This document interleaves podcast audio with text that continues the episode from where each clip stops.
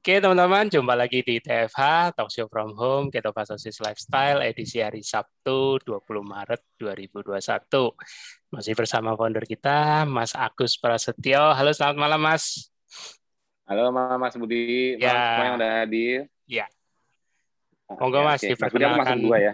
Oh ya silakan, santai aja, ya. langsung. nah. Oke, okay, uh, malam ini uh, uh, narasumber kita Mbak Dia Damayanti, Dokter Dia Damayanti. Ini kita malam ini mau kepoin Mbak Dia untuk uh, cerita pengalaman, sharing pengalamannya. Itu seperti awalnya dari mana kenal KF, alasannya apa, terus ada kendala-kendalanya apa, misalnya ada perbaikan yang dialami, misalnya ada, hmm. terus uh, respon lingkungan atau sejawat, Monggo Mbak. Mbak pakai slide nggak? Jadi pakai slide. Oh ada ya, Mas Budi sudah. Ah, ada. Siap. Oh ya, oke nanti ya. dibantu Mas Budi sharingnya. Ya. Ya. Ya. Assalamualaikum warahmatullahi wabarakatuh. Selamat malam semua. Perkenalkan nama saya Dr. Dia Waalaikumsalam warahmatullahi wabarakatuh. Saya alumnus UNAR eh, angkatan tua 85 jadi sudah masuk usia pensiun. Unair ya? Un Universitas Unair, Erlangga. Ya, Universitas oh. Erlangga. Oh. Hmm. Yang saya tahu mungkin dokter siapa? Oh iya, yang ada yang alumnus kedokteran FK oh, Unair. Iya. Ya. ya. Jadi ini judulnya Bismillah sehat sehat sehat. Jadi, amin amin. kedua Mas Bobi ya. Jadi saya awal mulainya itu karena ada keluhan dari suami eh, apa namanya suami saya kebetulan menderita obesitas, jadi banyak keluhan dengan metabolik sindrom, hipertensi, minum obat teratur, terus yang sering itu sesak, terasa sesak, ya ngos-ngosan, terasa sesak itu jadi keluhan utamanya. Nah, sudah saya, saya saran saya, suami saya, ya harus turunkan berat badan karena obesitas ya, berat badannya 137 kilo dengan oh. tinggi 170. Obesitas tingkat dua ya apa? Kelas kelas kelas kedua. Hmm. Nah, dengan sana itu saya ya yang paling paling bisa itu harus turunkan berat badan saya bilang gitu. Apalagi kan lututnya juga sakit jadi kalau sholat harus duduk, tidak bisa tidak hmm. bisa berdiri dengan seperti biasanya. Hanya ya intinya harus turun berat badannya kalau pengen ini pengen sehat. Saya bilang gitu. Lah caranya gimana? Sudah banyak cara dicoba kan. Ternyata kan nuturnya itu paling cuma sedikit.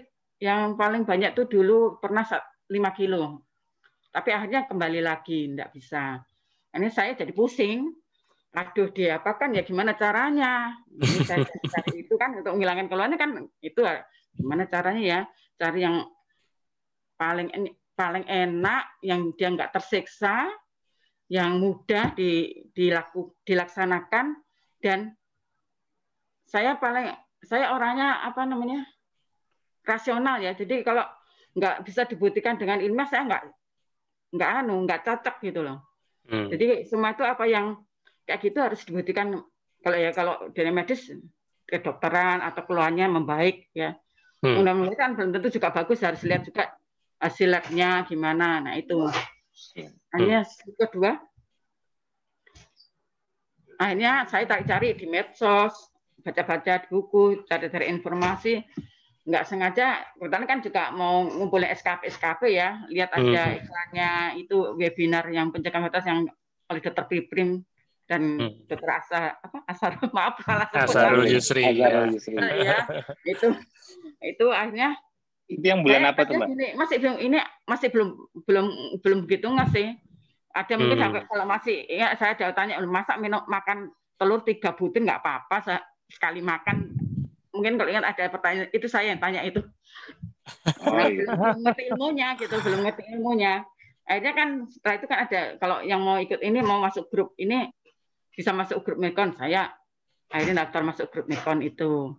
Terus dari grup Mekon itu masih akhirnya oh ngerti teorinya dikit-dikit ya oh ya ini pelajaran fisiologi pelajaran biokimia zaman dulu yang kita sudah sudah dapat apa namanya ilmunya tapi apa nggak diamalkan ya istilahnya. punya ilmunya tapi nggak diamalkan gitu, kurang dihayati, kurang diamalkan. Akhirnya dari baca-baca hmm. itu sama benar EMC kadret itu ya karena sudah ilmu sudah lama sekali walaupun eh, saya selama ini kan kita praktek kan berdasar ya hasil kita ada cuma lebih praktisnya ya hmm. mengobati pasien itu dengan praktis dengan pendekatan yang salah ya saya selalu saya hubungkan dengan holistik ya. Terus hmm. kemudian saya cari di Facebook, dan saya akan ikut ada Facebook. Ternyata loh kok saya itu sudah masuk grup ketofastosis ternyata. Tapi tidak tahu mulai kapan saya. Masih dengar ya Mas? Halo? Masih, Ini masih, saya masih, masih. Jadi, nah, grup ketofastosis loh. Ternyata saya ikut grup. Loh, kenapa ya? Saya kok pada sudah ikut kok saya nggak nggak menjalankan gitu ya. Terus saya hmm. oh ya karena penyebabnya ternyata banyak yang apa komen-komennya itu yang bukan orang yang yang jawab bukan orang yang kompeten. Jadi saya nggak tertarik jadinya kan ada yang komen-komen yang ngawur-ngawur gitu ya. Hmm. Jadi jadinya maklum saya medsos namanya medsos. ya betul karena yang ikut kan nggak nggak semua nggak semua orang ikut keto fantasi di situ ya ada yang memang yeah. iseng ada yang iseng ada yang suka hmm. iseng apa suka ngaco ada gitu kan jadi ya hmm. mungkin itu yang membuat saya jadi nggak tertarik gitu. Terus selanjutnya. Nah, setelah, setelah tahu sedikit dasar-dasar ilmunya, saya mulai meraih suami saya agar ikut itu gitu loh. Walaupun masih masih apa ada hal-hal gelap yang saya nggak ngerti masih ngerabut-ngerabut, tapi saya yakin gitu loh. Nggak tahu kenapa, karena semua itu ya saya kalau ada sesuatu masalah saya selalu saya selalu berdoa gitu supaya hmm. Allah tuh memberikan jalan yang tepat gitu ya. Nggak tahu karena ini kok dari webinar tadi tuh kok rasanya saya apa kayak terkait ya. Apa karena apa itu? Karena hipnotis mungkin ya. Hipnotis. Dia hipnotis sama Mas Pipin sama Mas Azharul. Iya mungkin ya. Saya kok kayak hati saya terpaut gitu loh. Hmm. Akhirnya saya rayu suami saya gitu. Hmm. Suami saya apa ya kebetulan kok dia mau gitu ya mungkin karena sudah ngerasain sakitnya sudah mungkin sudah mulai menumpuk ya hmm, jadi hmm, hmm. coba ini anu apa dicoba dan hmm. waktu kira-kira berapa ya seminggu kok nggak salah itu mulai ada apa ternyata kalau saya baca itu hasil ya kalau nggak salah saya waktu itu hmm. suami saya kayak ada serangan jantung gitu kan hmm. kayak ada serangan jantung gitu Padahal dia tidak pernah, tidak pernah ada keluhan jantung. Jadi kalau general check up itu ya selalu yang jadi masalah fatty liver, tekanan darahnya tinggi dan apa namanya lemaknya tinggi ya, kolesterolnya tinggi. Mm -hmm. Tapi kalau hmm. jantung, EKG, toraksnya tuh bagus, nggak pernah ginjalnya juga bagus. Nah itu, itu kok kayak serangan jantung gitu. Saya bingung. Ya? Saya WA Mas Tio ternyata kan jamnya ada jam tidur ya saya nggak tahu belum tahu ada jam tidur mungkin jam 8 pastinya sudah tidur jadi nggak dijawab akhirnya saya buka-buka lagi itunya apa grupnya itu oh hmm. saya harus dikasih ya saya kasih garam apa garam kerasaan itu sekarang saya suruh ngemut terus IH itu hmm. aja besoknya sudah enak gitu enak terus tapi ada rasa takut ya dari suami saya kan ketakutan gitu mau putus itu waktu itu. Terus saya galak sampai saya ini istri galak. kalau kalau kalau kalau suaminya susi nggak? oh, susi. kayaknya enggak sih, cuma waktu itu kan, kan sudah sakit ini jadi agak ini ya. Saya Mas uh, suami saya waktu itu gimana kalau berhenti aja saya gimana kok saya cuma puasa aja apa itu nggak joling kalau kayak gini tuh apa nggak joling sama tubuh saya bilang lebih dari mana kalau tubuh kita rusak karena kesalahan kita apa cara makannya gaya hidup kita rusak gitu kita yang merubah hmm. yang merusak tubuh kita misalnya suami saya sadar kayaknya gitu istrinya hmm. tuh walaupun galak tapi benar gitu mungkin gitu ya walaupun galak tapi benar ya, itu pembenaran diri. Maaf ya para dokter, para iya. yang, yang para laki-laki, maaf.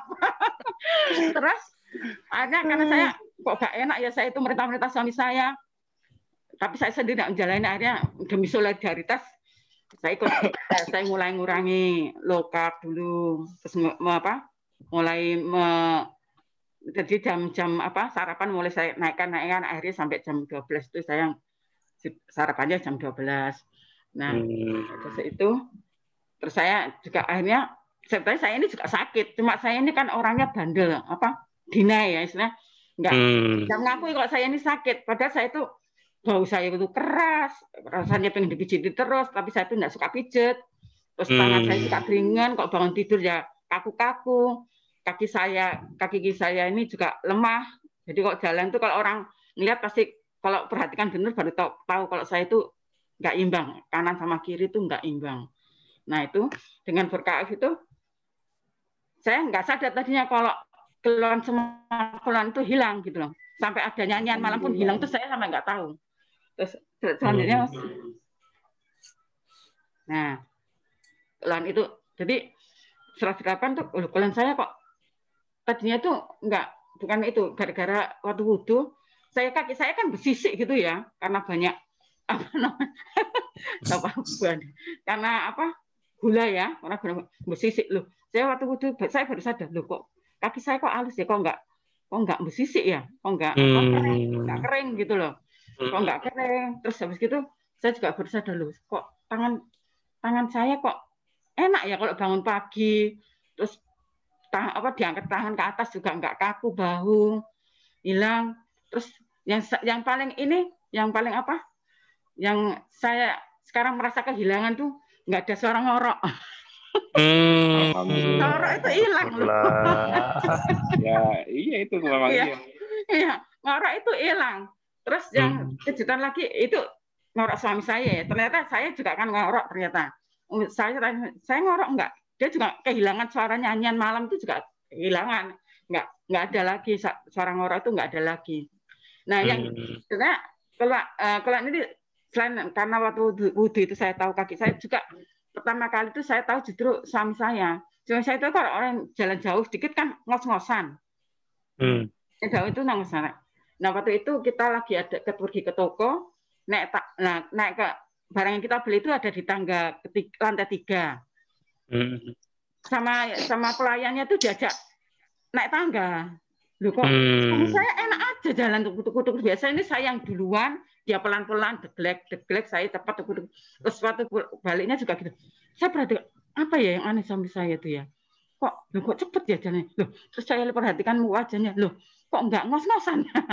Itu saya berusaha dulu apa ini karena itu ya? Nah terus hmm. itu baru saya sadar itu. Loh oh ya aku juga keluarku kok hilang semua.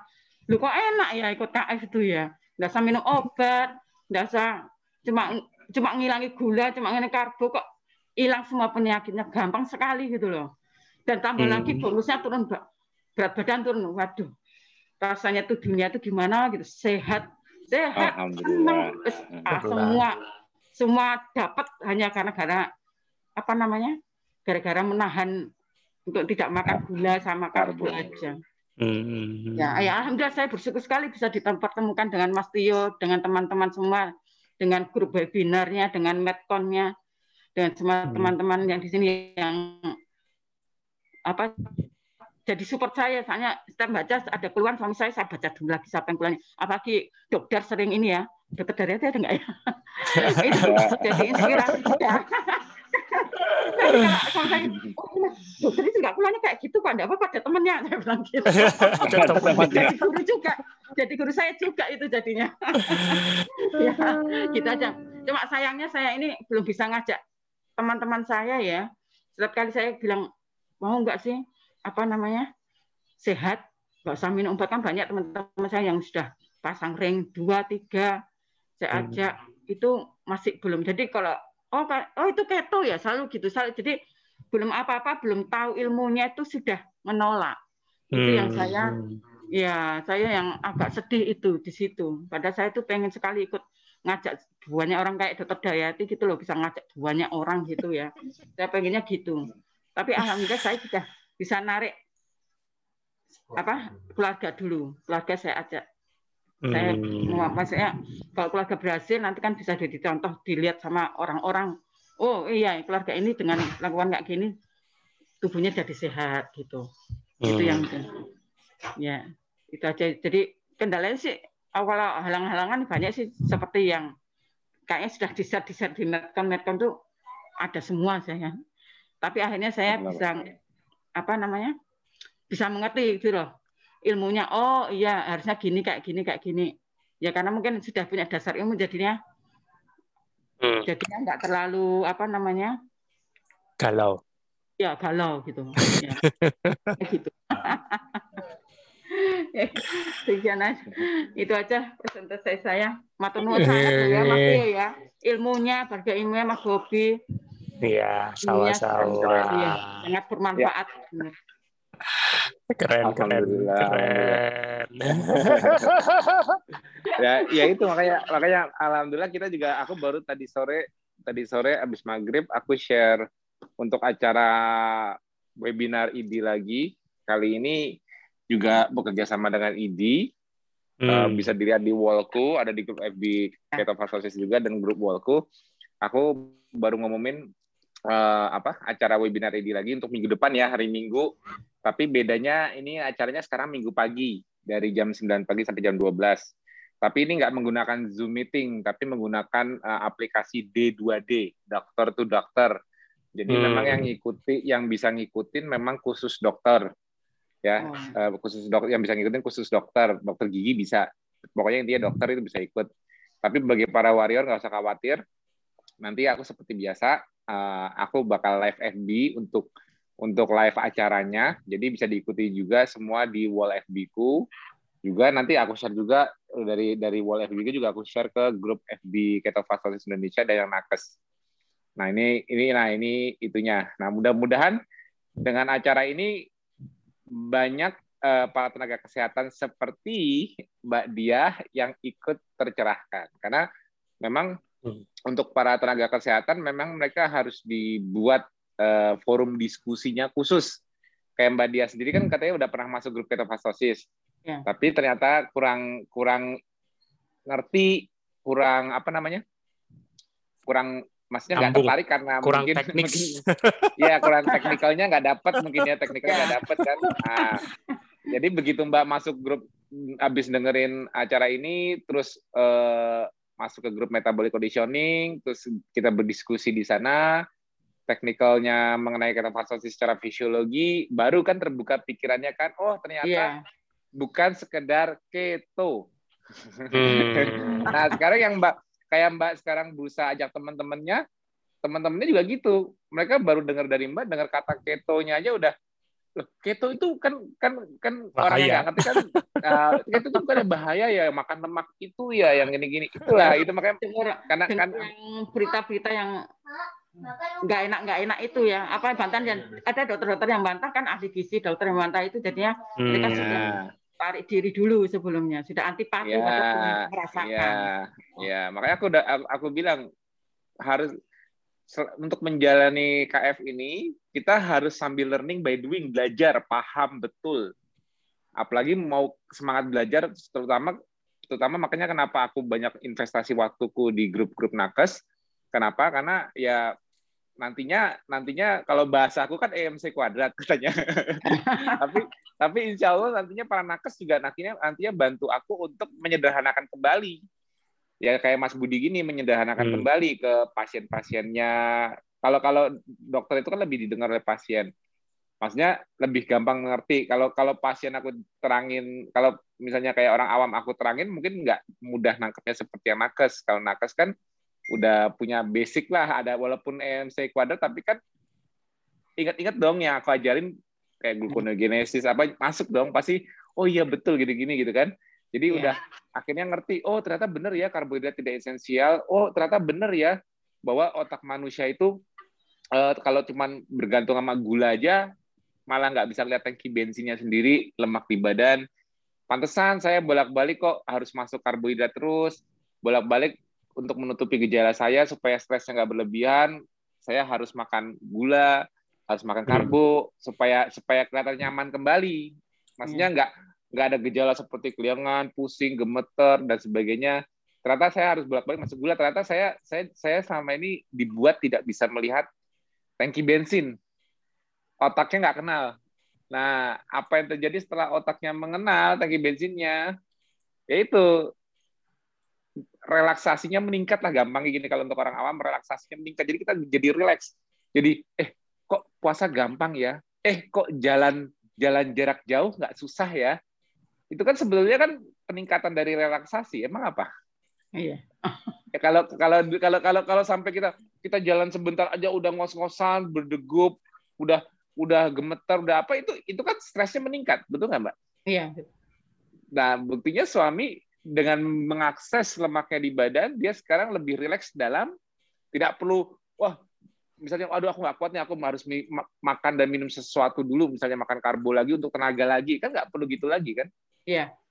Nah, itu yang aku maksud. Jadi jadi dari fisiologi kita bisa melihat sistem biologi manusia itu sebenarnya kayak gimana yang benar. Makanya kenapa aku intens diskusi di grup Medcon itu supaya apa? Supaya para nakes kembali melihat basic fisiologinya dan mengamalkannya. Sorry. betul, itu betul. Karena diamalkan ilmunya jadi, tadi itu. Iya, jadi jadi jadi ilmu fisiologi yang dipelajari di di awal-awal kuliah kedokteran itu jangan di saat prakteknya kan nyari praktisnya. Ya kalau sampai hipertensi ya dikasih obat. Ya kalau Iya. sampai diabetes ya dikasih obat. Ya kalau sampai gemuk ya ya diturunin kalorinya. kan kan gampangnya kan gitu kan turuninnya Iya. kalorinya nanti kan ngambil dari dalam ternyata nurunin kalori itu nggak se- nggak se- Tidak semudah segampang itu. itu ya. Iya kan karena apa? Karena kalau secara fisiologi nurunin kalori itu kan berarti kan minta demand-nya dari dalam tubuh, Mbak. Oh, Yes. kalau aku makan kalorinya pas atau lebih, berarti tubuh nggak usah ngambil dari dalam. Tapi Ah. masalahnya tubuhnya itu kegemukan, ada masalah dan sebagainya. Berarti kan untuk meng- untuk menurunkan tangki bensinnya yang agar nggak keberlebihan itu kan berarti harus mengambil dari dalam. Hmm. Logika dasarnya ialah mengurangi kalori. Ya jangan makan sebanyak itu, kurangin aja makanannya sehingga kalorinya bisa diambil dari dalam. Kan kan kan mudahnya berpikir seperti itu kan, Mbak. Ya. Iya. Ya, tapi secara fisiologinya kan substrat substrat yang digunakan dari dalam itu apa? Itu kan pertanyaannya kan. Oke, Ah, kamu makannya ah. kamu kamu ada ada defisit 500 kalori. Harapannya yang di dalam diambil. Tapi apa yang diambil? Itu kan pertanyaan terbesarnya kan. Iya. Yang Hmm. itu dari makanya di grup Medcon aku bikin jelas bahwa kalau tidak ketosis defisit kalori selalu menyertakan defisit gula. Lima, dari 500 kalori yang tidak dimasukkan itu kebanyakan defisit gula. Bukan defisit lemak. Jadi jadi jangan jangan harap 500 kalori itu akan ngambil semua dari lemak dari defisitnya. Beda fisiologinya. Jadi hanya mengurangi 500 kalori itu tidak semudah yang dibayangkan. Kenapa? Malah malah kalau dalam jangka panjang atau terlalu berlebihan defisitnya akhirnya malah bergejala. Kenapa? Karena teriak gulanya tinggi. Ya kalau gulanya teriak tinggi apa nggak stresnya meningkat? Ya makanya Hmm. kalau mengurangi makan kan mudahnya mudahnya kan pasti kan sebelum ketemu KF kan pernah nyobain pernah Ya. nyobain apa ngurangin makan pasti pernah dong Ya. diet ya coba gimana. Nggak, kalau saya kalau saya sih memang dasarnya nasi cuma sedikit. Tapi Hmm. minum gula, minum. Jadi minum tuh harus selalu manis.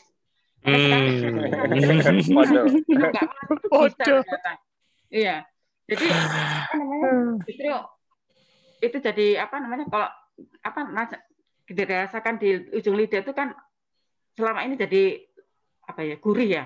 Ya. Jadi saya sekarang tanpa meriksa gula darah saya bisa tahu kalau gula darah saya naik.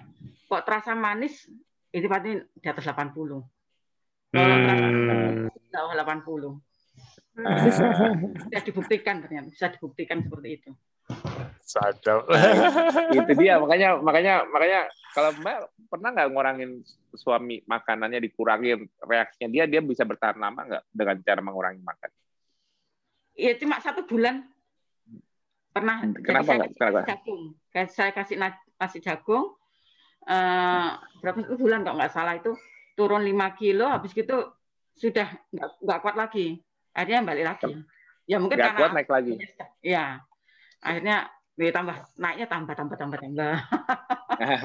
akhirnya akhirnya disebut namanya yo-yo karena dia Kemarin cravingnya tinggi ya 137 terakhir nih kemarin yang sampai keluarnya betul-betul sudah maksimal ya.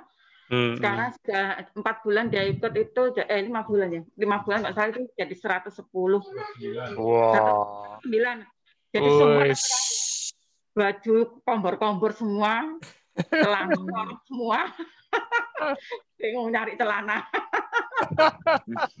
dulu susah nyari karena ukurannya nggak ada karena hmm. susah karena kecilan semua susah mermak ya nggak bisa dipermak lagi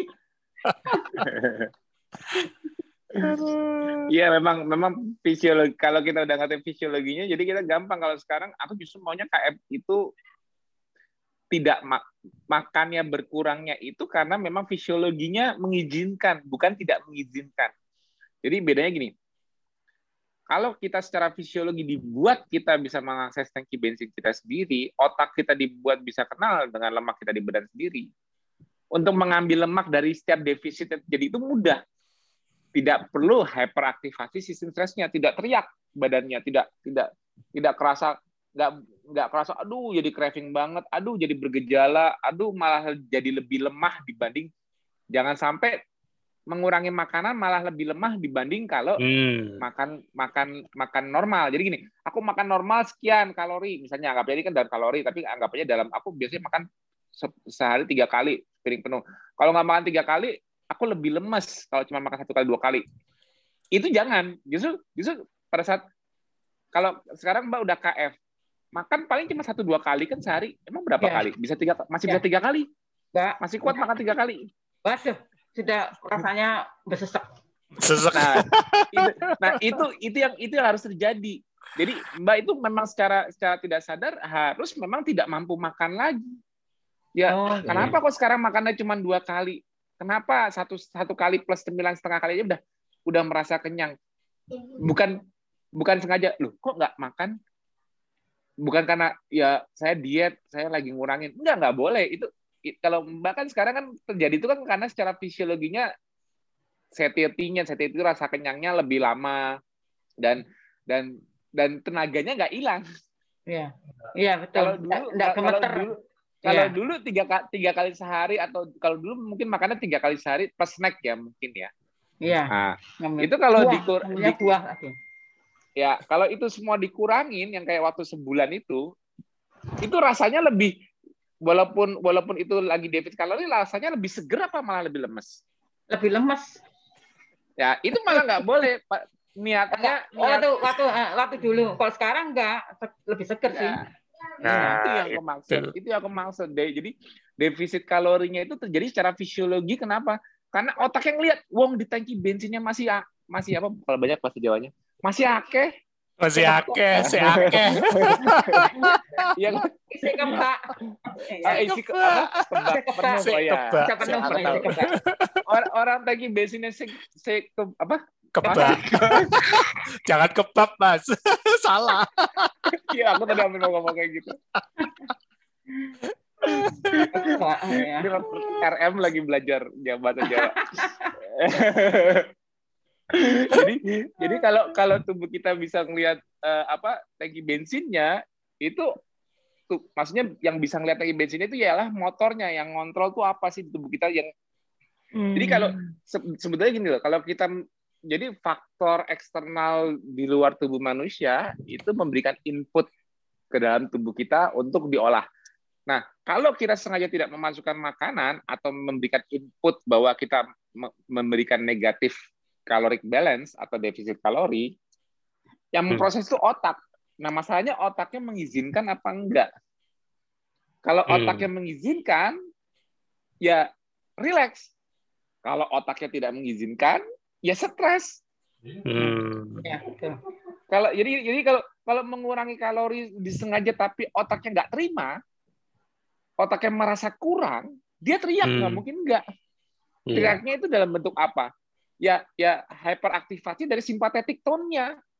Hmm. Jadi jadi kita sistem stres kita jadi meningkat. Kita lebih kayak mengurangi kalori itu rasanya kalau diinget-inget waktu sebulan itu kalau diinget-inget itu pasti kayak ada sorry ya, mumpung suami di sebelahnya, kerasa waktu itu inget-inget rasa tegang nggak?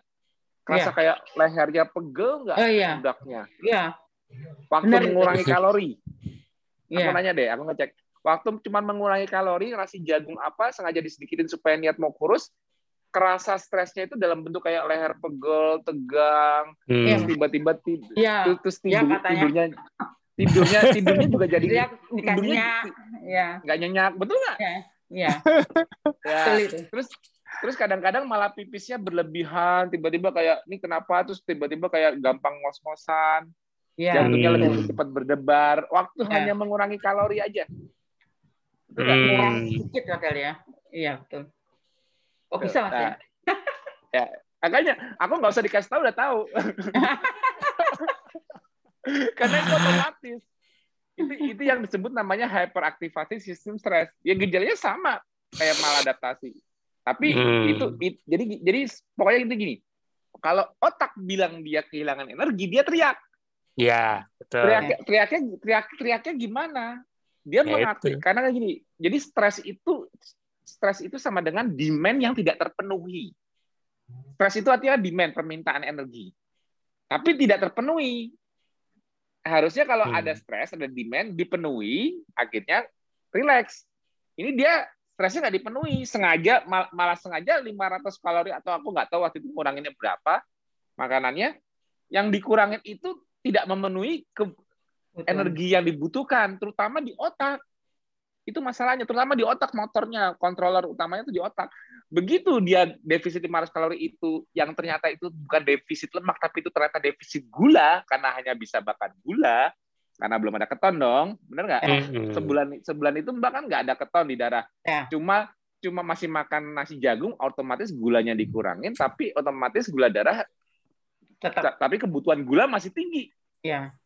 Nah, jadi harapannya saya turun 5 kilo itu turunnya lemak, ya ternyata ototnya bisa juga rontok. Taunya gimana? Taunya taunya ya saya tambah lemes. Bukannya tambah sebulan itu bukannya tambah kuat, tambah ngangkat apa lebih kuat, jalan lebih bisa jauh, enggak, malah lebih lemah. Betul nggak? Iya. Nah, kalau betul lemah berarti yang 5 kilo itu yang hilang yakin lemak apa otot ikut hilang? Ototnya ikut hilang. Nah, lah kan kan kebutuhan gulanya kan jadi tinggi. Kalau kebutuhan gulanya terlalu tinggi, akhirnya untuk bikin gula kan liver malah akhirnya mecah protein, betul nggak? Yes. Makanya kalau gulanya begitu habis sebulan itu gulanya di dibalikin lagi, makannya normal lagi, kayak balas dendam Hmm. untuk untuk ya. untuk untuk bala, untuk untuk kembali Menebus. kerusakan ototnya, iya menebus. Menyeimbangkan menebus ya, ya. Untuk kerusakannya. Dan akhirnya cravingnya malah jadi meningkat. Akhirnya malah tambah menyimpan lemak. Tiba-tiba habis nyoba diet sebulan malah lebih cepat naik dibanding sebelumnya sebelum diet. Ya, lebih tinggi. betul nggak? Ya, bener. Kelihatan kan? Nah makanya ya kan? Kalau kalau secara fisiologi jadi jelas semua kan kita dari tadi nggak ngomongin makanan loh Iya. kalau misalnya ngomongin makan, oh saya gimana caranya supaya kurus dikasih dia, kamu makannya ini ya, kurangin 500 kalori ya, ini kamu timbang ya supaya Nggak berkurang jadi ikut mas ya. kalau gitu mas. Nggak jadi ikut Hah? ngeluh, ngeluh di siang. Udah pusing duluan ngeluh di siang. nggak, maksud- ma- apa artinya ngeluh ngeluh, di Ngeluh, siang? ngeluh itu pusing, Mas. Pusing duluan. Oh, oh. Oh, Iya. aku pikir ngeluh itu kayak ngilu gitu bukan? ngeluh. Oh iya. Pusing duluan langsung nggak jadi ikut. Su- Susah hitungnya. tapi tapi tapi ya ya itu kan konvensional mbak maksudnya gini kalau Iya. kalau kalau orang mikir secara konvensional di luar di luar negeri pun diet keto masih banyak yang hitung hitungan kalori maksudnya yang Masih. yang secara konvensional masih oh kamu harus makannya sekian hitung hitung itu banyak Ya. jadi kalorinya harus harus harus benar-benar dikontrol Kur. apa apa ada yang ada yang ada yang ada yang menganjurkan tuh tracking seperti itu jadi jadi memang dibikin terkesan diet jadi kayak apa namanya dibuat kita tuh harus tracking kalori ya kalau kalau buat gaya hidup aku rasa nggak praktis ya jadi harus Hmm. membatasi oh gini itu diukur gram-gramnya apa jadi kalau kita berputar di kalori kalau kalau dalam basicnya diet itu kan berputar di kalori jadi jadi kalau Ya. kita kita mentok di fokus di ngurangin kalorinya aja tapi kita nggak lihat secara fisiologinya apakah otak mengizinkan untuk mengakses lemak pada saat mengambil sisa kalori kan gini setiap kekurangan kalori dari makanan itu kan harapannya selalu harapannya, logiknya kan selalu diambil dari dalam. Tapi Ya. pertanyaan fisiologi terbesarnya ialah apa yang diambil substrat substrat utilisasinya apa nanti itu Hmm. yang makanya aku aku aku justru malah jelaskan di Medcon itu itu yang kau jelaskan di KF supaya orang ngerti fisiologinya jadi nggak sekedar taunya dietnya tapi Hmm. gimana supaya tubuh kita mengizinkan kita untuk terjadi kalori restriction unconsciously secara alami. jadi jadi sekarang gini, kalau kalau kalau aku bilang, Mbak, makannya satu dua kali sehari aja ya, jangan banyak banyak. Kalau sekarang jawabnya mudah, ya nggak apa-apa. Seumur hidup bisa nggak makan seperti ini? Bisa, Ya sekarang. bisa kan? Iya. Kalau sekarang sekarang makan makan makan segitu merasa sulit nggak? Wah, aku nggak mampu kalau suruh nahan kayak gini. Kalau yang kemarin kan makan sebulan aja udah nggak kuat kan? Iya. Nah, kalau sekarang sudah kalau suruh bulan, udah tiga bulan udah nggak apa-apa. Ngerasa sekarang masih ngerasa kayak diet nggak? Enggak, enggak. Enggak, Mas ya? Udah ya. Udah ya. Udah nggak? Kalau kalau kan karena karena kalau diet itu kan bikinnya aduh ini aku jadi lebih lemes nih aduh makanan ditahan-tahan kan enggak kan Iya, Hmm. ternyata ternyata nggak menyiksa kan dietnya iya.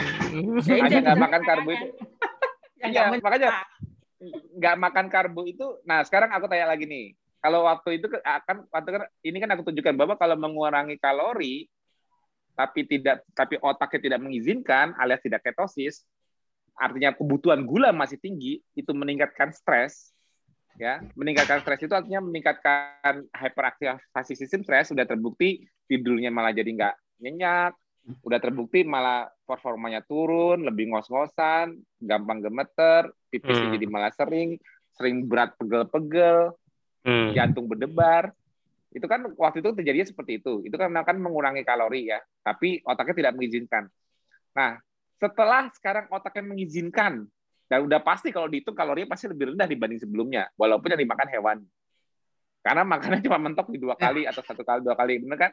Nah. Betul. tapi yang terjadi yang terjadi apa? Yang terjadi saat otak mengizinkan kebalikannya enggak aku tanya sekarang mbak tanya ke sebelahnya. Tidurnya makin enak nggak Tidurnya, oh iya, makan Oh iya, udah sama sekawar. ya kan Makan enak, enggak minta pijet lagi. Enggak ada Ah, nyanyi, oke. namanya hilang nyanyi. Ka- eh, eh, udah, udah udah pernah ngecek tensinya nggak setelah KF tensi dan heart rate-nya lebih bagus nggak? Kalau tensinya tuh naik turun ya, masih enggak banyak banyak normal cuma mungkin karena stres pekerjaan ya. Nah, itu Hmm. jadi jadi dari lima pilar tinggal tambahin relaksasi kan. Iya, iya. Nah, jangan lupa makanya kalau di KF kan diajarin kan lima pilar. Jadi semuanya jadi jadi nggak makan karbonya udah kasih modal loh, udah kasih Ya. modal tidur lebih enak. Lifestyle apa? Ya, lain mapelnya yang itu jomplang kayaknya ya, masih kadang-kadang ter, apa jamnya kurang ya, Mas ya. Jamnya Ya, kurang. tinggal nam ya, jadi jadi tinggal nambahin jamnya. Hmm. Jadi tidurnya tuh dibikin minimal tuh 6 8 jam. Kalau ada gejala lagi gak enak kok tiba-tiba ada yang enak langsung 10 12 jam.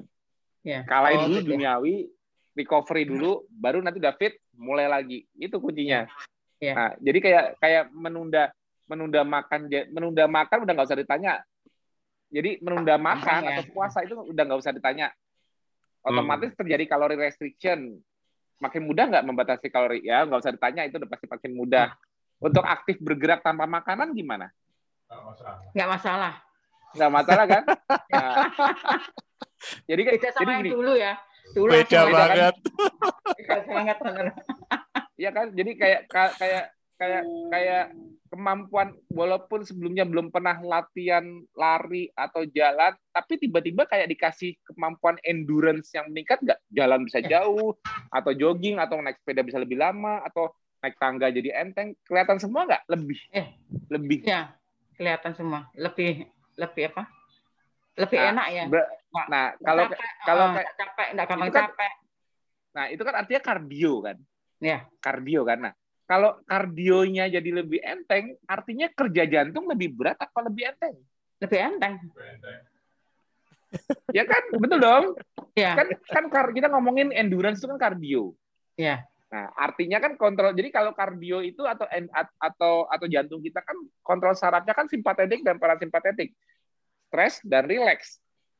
Kalau kalau berdebarnya cepat, BPM-nya gampang naik cepat, berarti kan simpatetiknya atau sistem stresnya kan dominan. Gampang stres lagi nih. kalau kalau kalau aku kemarin-kemarin kalau jalan berapa meter sebelum KF gampang ngos-ngosan. Ya. Artinya kan gampang cepet naik heart rate-nya, BPM-nya, betul nggak? Ya. Ya betul. Artinya, artinya secara fisiologi, secara fisiologi ya, apa yang mendominasi sistem sarafnya yang nembak? Saraf stres, simpatetik ya kan? Ah. Nah, berarti sebelumnya itu sudah ada hyperaktivasi sistem stres. Hmm. Sebelumnya itu, sebelumnya itu sistem stresnya itu sudah dominan. Dominan Jadi begitu tinggi. dia begitu diajak jalan alias diajak stres dikit aja Langsung over. Sampai over. langsung nambah. Nah, kalau sekarang begitu ketosis, endurance-nya jadi bagus, kardionya jadi enteng, alias kerja jantung jadi enteng, artinya yang dominan yang mana nih? Yang simpatetik apa yang parasimpatetik? Dilakukan? parasimpatetiknya. Ya. Kalau dari fisiologi jadi jelas kan? Ya, Bukan dari makanan loh. Apa ngomong dari Ya. fisiologi jadi jelas kan? ya. Udah. Nah, terus terus terus untuk membuktikan bahwa ini ini juga aku mau sekarang sekarang mumpung ada ada ada narasumber, aku mau ngajar fisiologi juga. Itu kan dari sistem simpatetiknya. Sekarang yang tadi siang aku jelasin mengenai renin, angiotensin, aldosteron system yang yang yang kontrol ginjal ya. Aku membukti, mau membuktikan itu kan mengontrol jadi jadi ras sistem itu kan juga mengontrol eh, di pembuluh darah untuk konstriksi, vasokonstriksi atau dilatasi, vasodilatation artinya membuat aku mau menunjukkan bahwa kalau kita dengan ketosis lebih rileks, pembuluh darah kita mudah berdilatasi. Pembuluh Hmm. darah kita mudah melebar. Oh. Aliran, da- aliran darah mudah Lancar. lancar. Artinya rileks kan? Ya. Nah, sekarang aku tanya, masih pegel-pegel nggak? Masih gampang tegang nggak? Masih gampang kayak apa? eh, dikit-dikit tegang, dikit-dikit eh, apa namanya? Kan kan kan kan kan mungkin dulunya sering banget ya kadang-kadang gampang tegang gitu loh, gampang mencapai peak stresnya atau menga- gimana sih ciri-ciri kalau tegang gitu gimana sih kayak Ah, kayak kayak rasanya leher pegel, Iya, pundak pegel, kaku-kaku gitu loh. ya. Maaf kalau perempuan, Ya kan? kalau saya saya kan ada keluhan, maaf ya, payudara saya tegang. Apa? Pernah saya Ya. pernah nyeri payudara, padahal saya sudah menopause. Sampai saya Ya. pergi ke dokter onkologi, diperiksa mamografi, itu enggak ada apa-apanya. Bingung dokternya. Ini apa? Sampai ditanyai "Pu- punya anak berapa? Itu sampai ditanya seperti itu. Saya ternyata waktu itu kesimpulannya saya stres katanya gitu. Tapi saya nggak merasa stres gitu. loh. Enggak, bukan bukan karena karena Mbak pikir stres itu kepala, bukan. Oh ya. Betul Pak. Makanya saya nggak stres, tapi Ah. tapi itu itu itu namanya stres secara fisiologi, sisi stresnya nggak nggak harus dari kepalanya. Ya, ternyata setelah ikut ini hilang sendiri keluhannya. Saya nggak merasa tiga bulan empat bulan ini saya nggak nggak pernah merasa sakit, nggak pernah merasa tegang, hilang. lebih enak hilang semua iya. Ya alhamdulillah. Itu yang aku itu aku maksud. Jadi kerja sistem rasnya juga lebih enteng. Jadi jadi jadi itu cuman itu itu satu modal cuman dengan membuat otak lihat tangki bensin selesai. Dikasih modal loh mbak. Jadi Iya. jadi sekarang kalau secara fisiologi penting nggak kalau orangnya gini penting nggak otak kita untuk kenal di mana letak bensin sebenarnya. Jadi penting nggak sekarang? Penting Ya kan? Iya. Kalau nggak kenal Hmm. bensinnya gimana? Kalau nggak gimana nggak bolak-balik harus ngisi gula terus? Iya. Wong wong lemaknya nggak kelihatan gimana ya? Ngisi gula terus ya jadi jadi kayak budaknya makanan ya bolak-balik. Kalau mau kerja makan dulu, kalau mau ini makan dulu. Jadi Hidup- jadi nggak nggak makan ya. selesai. Sekarang makan tuh hidup kok sekarang. Kok dulu Betul hidup kan? Kalau eh, kalau dulu hidup untuk makan kan, kalau sekarang Ya. makan untuk hidup. Itu hidup. Terbukti nggak? Iya, terbukti. Itu yang aku maksud mbak. Itu yang aku maksud. Jadi jadi jadi kalau kita ngomongin ket- keto itu ketosis alias fisiologi beda yang kita dapatkan. Tapi kalau kita bilang itu keto ya, ah beda juga tanggapannya. Betul betul. Betul. Nah, makanya mungkin cara Mbak menyampaikan ke teman-teman Mbak itu masih terlihat mereka nganggapnya dari sisi makanan. Jadi mereka nganggapnya oh, itu keto ya, makanya mundur duluan teman-teman nakesnya. Jadi enggak, jadi kalau saya, saya kan tanya, loh, tadinya saya gini, apa share ini loh, apa hmm. bikin status hmm. gula darah. Oh, bikin status. Iya, nah. gula darah 64 saya saya share gitu.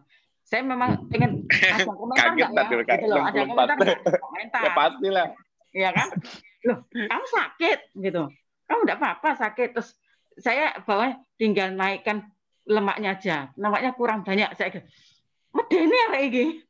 Kok ya iyalah ngomongnya lemak. lemak. Saya kok malah pengen naikkan lemak gitu, gitu. Medeni. Saya kan wapri kan, wapri eh baru ngomong iya saya nggak makan langsung ah keto ya? Wes nggak usah. Eh loh ya apa segoro ngomong tertawa segoro belum ngomong. Ya, baru ngomongin ngomongin iya. makanan udah udah uh, sudah uh, iya saya belum ngomong panjang padahal. Terus akhirnya saya kan iya. gimana ya mungkin saya saya nggak pintar ngomong mungkin itu ya. Mungkin saya orang yang nggak pintar ngomong. Akhirnya saya apa dia pada TFH saya share, saya share. Terus saya lihat sih kalau ada, kalau saya pas ikut gitu, saya kok gak ada teman saya ya di situ ya. Gak ada yang ingat pengen tahu gitu loh. Itu yang saya sedih, benar sedih. Makanya saya suka kadang-kadang kok baca di grup mereka tuh saya lihat dokter Dalia itu iri. Dokter Dalia itu kok bisa yang ganteng banyak orang gitu loh. oh, dokter Dalia ganteng sempolnya. Kita lagi dapat kapal pesiar tuh dokter Dalia.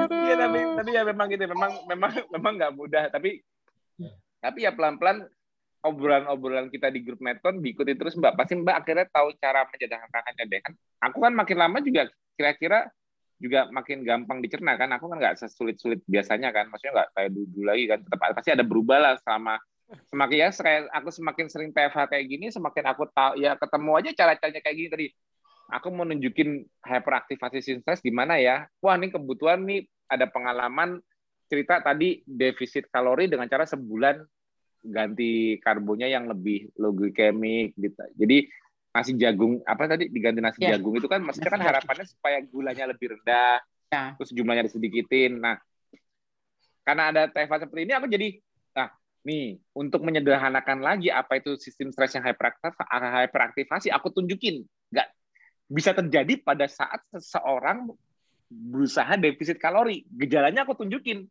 Benar kan? Iya, betul. Hmm. Itu yang aku maksud. Karena karena kalau kita udah bisa ngeliat secara sistem biologinya udah itu bisa terjadi kapan saja dan dan kepada siapa aja dan kondisi yang terjadi yang menyebabkan terjadi itu terjadinya secara fisiologi patofisiologinya udah jelas makanya cobain aja. Mau ngerasain rasanya hyperaktivasi simpatetik itu kayak apa ya ya orang yang makan karbo coba aja defisit kalori besar. Kan ngerasain rasanya rasa aktivasi itu kayak gimana. Kan ngerasain pegel-pegel berat-berat jantung berdebar ngos-ngosan napasnya ngap cobain aja Ya, masuk masuk itu, ICU, eh, masuk UGD, ya. masuk UGD langsung. iya, iya, makanya makanya akhirnya kan ujungnya nggak kuat. Kalau kalau akhirnya kan nggak kuat. Sebulan itu kan akhirnya udah udah ah udah udah udah udah. Karena cravingnya itu malah lebih lemah pada saat malah lebih lemah pada saat mengurangi. Karena otaknya nggak mengizinkan. Otaknya mengizinkan kembali kalau kalau kalorinya lebih. Ya, ya jangan dikurangi karbonya ya kan benar sebenarnya ya. jadi kalau tubuh masih masih pakai karbo tubuh masih pakai gula tubuh itu nggak suka kehilangan gulanya jangan dikurangi gulanya. Walaupun kita pengennya supaya lemaknya dikurangi, tapi kita begitu ngurangin gula hanya sekedar ngurangi, nggak benar-benar lepas. Alias karena tidak mengizinkan keton muncul, artinya otak nggak pernah kenal lama tangki bensin. Ya kalau cuma masih cuma ngurang itu tanggung-tanggung ya kerasa banget kan? Ya. Benar nggak, Pak? Betul. karena tubuh itu nggak suka, karena tubuh itu nggak suka kehilangan energi. Yaitu apa?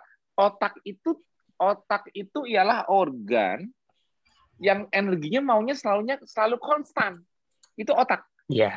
Jadi yeah. jadi otak kita itu otak kita itu basal metabolic rate-nya waktu kita masih bayi, anak-anak itu kita bisa sampai 60% tuh BMR kita cuma untuk otak doang. Makin kita hmm. Rasio BMR kita otak 20%. Itu pun besar loh. 20 walaupun dari 20% dari total BMR kita sehari, 20% kebutuhan energi di otak ini by weight ratio dibanding massa otot, itu berarti dia organ yang paling konsumtif sama energi dan nggak boleh stop dulu, nggak boleh kurangin dulu, nggak ada itu istilahnya. Wong dia, wong otak ini yang ngatur segala kontrol, otak yang ngatur detak jantung, otak yang ngatur ngatur apa kerja berbagai organ gland-gland lain, endokrin lain juga dikontrolnya oleh otak, komunikasinya dengan otak, otak yang mengatur segala sistem saraf yang terkoneksi ke pencernaan sekalipun sampai ke somatik sampai ke mana pun juga otak yang itu dengan tugas otak yang begitu banyak itu dia disuruh kurang energi. Yakin? Nggak bisa. Otak kalau kita mau sehat otak kita jangan pernah ada tekor energi. Itu doang mau mau kita makan nggak makan sehat itu artinya otak nggak pernah kehilangan energi jadi kalau kalau kalau kita bilang oh puasa itu bagus, bagus, tapi puas, puasa itu jadi jelek kalau otak kehilangan energi. Puasa itu kan defisit kalori. Ya. Puasa itu kan tidak makan. Dengan ada efeknya, efek-efeknya kita jadi self maintenance, artinya kita melakukan autofagi, bersih-bersih, cleansing. Itu tidak tidak bagus kalau apa? Kalau otaknya tidak tersuplai energi saat defisitnya atau puasa. Hmm. Jadi kenapa kenapa kita berpuasanya itu sehat? Apa? Otaknya nggak kehilangan energi. Kalau dulu berpuasa dan mengurangi mengurangi kalori tapi tapi menyiksa otak itu malah jadi nggak sehat. Kenapa? Taunya menyiksa otak gimana? Ya lihat aja gejalanya. Emang saya nggak otak saya nggak teriak-teriak mas, ini saya yang teriak saya teriak, saya teriak, aduh lapar, saya teriak, aduh gemeter. Ya itu sebenarnya otaknya teriak. Hmm. Jadi otak itu teriaknya dia kekurangan energi itu salah satunya dengan cara hyperaktivasi sistem stres. Itu sebenarnya cerminannya otak. Jadi kalau kita kayak sistem stres hyperaktivasi gitu itu bukan berarti oh itu otot yang teriak, oh itu lambung yang teriak. Bahkan kayak kerucuk-kerucuk asam lambung inflamasi meningkat itu itu juga karena otak yang teriak. Makanya kan hmm. kayak kayak kita jadi badannya nyeri-nyeri, pegel-pegel, itu juga otak yang teriak. Jadi jadi kuncinya kuncinya si controller utama manusia ini jangan pernah lost energi itu doang. Mau apa pun gaya hidupmu, jangan sampai otak lost energi. Makanya sebetulnya kita makan karbo itu waktu masih makan karbo itu sebetulnya kita memenuhi kebutuhan otak lebih lebih dulu. Makanya kita harus hidup untuk makan, balik-balik harus ngisi tenaga dulu. Sebenarnya kenapa? Karena otaknya merasa dia kalau ini kurang gulanya kurang, aku nggak dapat energi, kemudian aku teriak duluan. Berasa gejalanya, dibikin gejala supaya hostnya makan lagi, supaya gulanya dapat lagi. Walaupun tangki bensinnya masih banyak walaupun makan yang sebelumnya aja udah disimpan jadi lemak karena kelebihan. Tapi begitu dia mengurangi makan di hari berikutnya, kan kemarin saya udah makan udah kebanyakan tuh. Ini saya berat nambah. Tapi kok pagi ini udah lapar lagi. Baru jam 10 telat makan sampai jam 10 11 udah udah lapar lagi. Berarti kan ada yang something wrong. Berarti itu ya gitu. Kalau secara sistem yang makan semalam aja kalori yang masuk masih cukup dipakai anggapnya sampai jam satu siang dua siang deh. Ini pagi-pagi udah teriak. Berarti yang teriak itu siapa? Ini kan. Itulah kendalanya kalau otak hanya kenal gula. Kalau otak nggak dikasih akses ke tangki bensin ya akhirnya apa? Jadi slave of carb. Jadi jadi sugar craving jadi jadi budak gula. Siapa yang jadi budak gula? Otak Hmm. Otak manusia. Betul, aku nggak bohong. Itu otaknya. Karena dia langsung hyperaktivasi stres kalau dia nggak dikasih. Dia nggak mau. Kan, kan aku udah bilang, otak kita selalu konstan energinya. Defisit yang lainnya, kita autofagi, otak gimana? Nggak boleh. Orang otak yang ngontrol kok nggak boleh ada loss energi sedikit pun di otak. Harus konstan, nggak boleh fluktuatif. Kalau fluktuatif ya kitanya juga behavior kita juga fluktuatif kadang baperan, kadang colek bacok, kadang kadang dari udah makan gula langsung senyum lagi, kadang tawa lagi, betul nggak? Kayak iklan sneaker, apa yang yang coklat sneakers itu, betul nggak? Begitu dikasih coklat langsung senyum lagi, begitu dikasih gula langsung, yang... ya itu kan karena karena ujung-ujungnya kita jadi cuma menuin energi di otak. Makanya dengan kita mengizinkan dengan kita tidak makan karbo sehingga mengizinkan terbentuknya keton di mana keton itu merupakan translasi dari lemak dari lemak yang di badan maupun dari makanan, otomatis keton ini membuat otak tidak pernah kehilangan energi saat kita makan maupun tidak makan. Konstan terus. Makanya Mbak merasa nyaman terus. Akhirnya kalau otak nggak perlu teriak-teriak ya inflamasi juga direndahkan. Ya kan? Untuk dipakai untuk endurance, dipakai untuk tenaga, untuk otot ikut untuk otot, jantung, liver ikut mengakses lemak juga diizinkan. Karena si bos juga udah kenal. Bosnya hmm. kan di hmm. sini. Ya kan? Awamnya gitu. Jadi kalau bosnya udah kenal, ya lainnya boleh akses. Makanya sekarang mengakses lemak di badan itu mudah banget ya. Ya kalau tangki, karena tangki bensinnya sekarang mudah diakses alias mudah diambil, mudah nggak kehilangan lemak sekarang dari badan? Mudah, lebih mudah. Udah kan? Ya. itu rahasia kalau waktu itu 5 kilo aja susah payah, teriak 5 hmm. kilo aja susah payah sampai udah nggak enak apa gimana. Kalau sekarang berapa kilo itu? Udah 25 kilo. Nggak apa-apa. Aduh. Jadi kalau kalau sekarang kalau kalau kalau Mbak bilang hilang 25 kilo terus Mbak ngasih tahu ke orang yang masih berpikir secara konvensional dan dia misalnya dia dietitian atau apa yang dia masih berpikir konvensional dia malah ngeri wih 25 kilo yeah. dalam tiga bulan hati-hati loh itu nggak iya. bagus yeah. kayak orang sakit nanti di, yeah, karena karena ada karena, komentar karena nanti gitu. di, karena nanti dipikirnya apa karena dipikirnya itu memang benar kalau karena gini mbak mbak mbak juga juga harus naruh naruh uh, posisi di orang konvensional tersebut siapa pun teman mbak yang masih konvensional thinking yang melihat dari sisi karena dia pasti pernah melihat pasien yang kehilangan berat badan cepat itu kebanyakan pasien yang sakit berat. Jadi yeah. dia mengalami sarkopenia berat, kacek, misalnya contohnya kayak kanker kachexia, yang ototnya habis, diabetes yang udah parah, ototnya ikut tergerus habis, berat badannya anjloknya cepat, terus penurunan terjadi penurunan penurunan fungsi-fungsi di tubuh. Mbak pasti pernah deh dapat kasus-kasus seperti itu. Yeah. Karena penurunan yang terlalu cepat itu dianggapnya sama seperti patofisiologi dari yang inflamasinya tinggi. Jadi seakan-akan gini loh. Jadi cara cara melihatnya kalau konvensional melihatnya itu kayak orang sakit kenapa? Karena karena dipikirnya inflamasinya meningkat. Jadi yang membuat hmm. orang berat badan bisa drop habis itu pada dalam tanda kutip bukan dalam kondisi sehat tapi kondisi sakit, itu peningkatan inflamasi, Mbak. Tubuhnya itu meradang. Tubuhnya hmm. itu stresnya besar banget saking besar stresnya, bukan lemak aja yang rontok, otot pun rontok. Performanya turun. Dia sakit. Makanya kalau kalau kalau turun dalam jumlah besar dalam waktu kira-kira tiga bulan 25 kilo, udah pikir, wah itu ototnya apa nggak habis itu.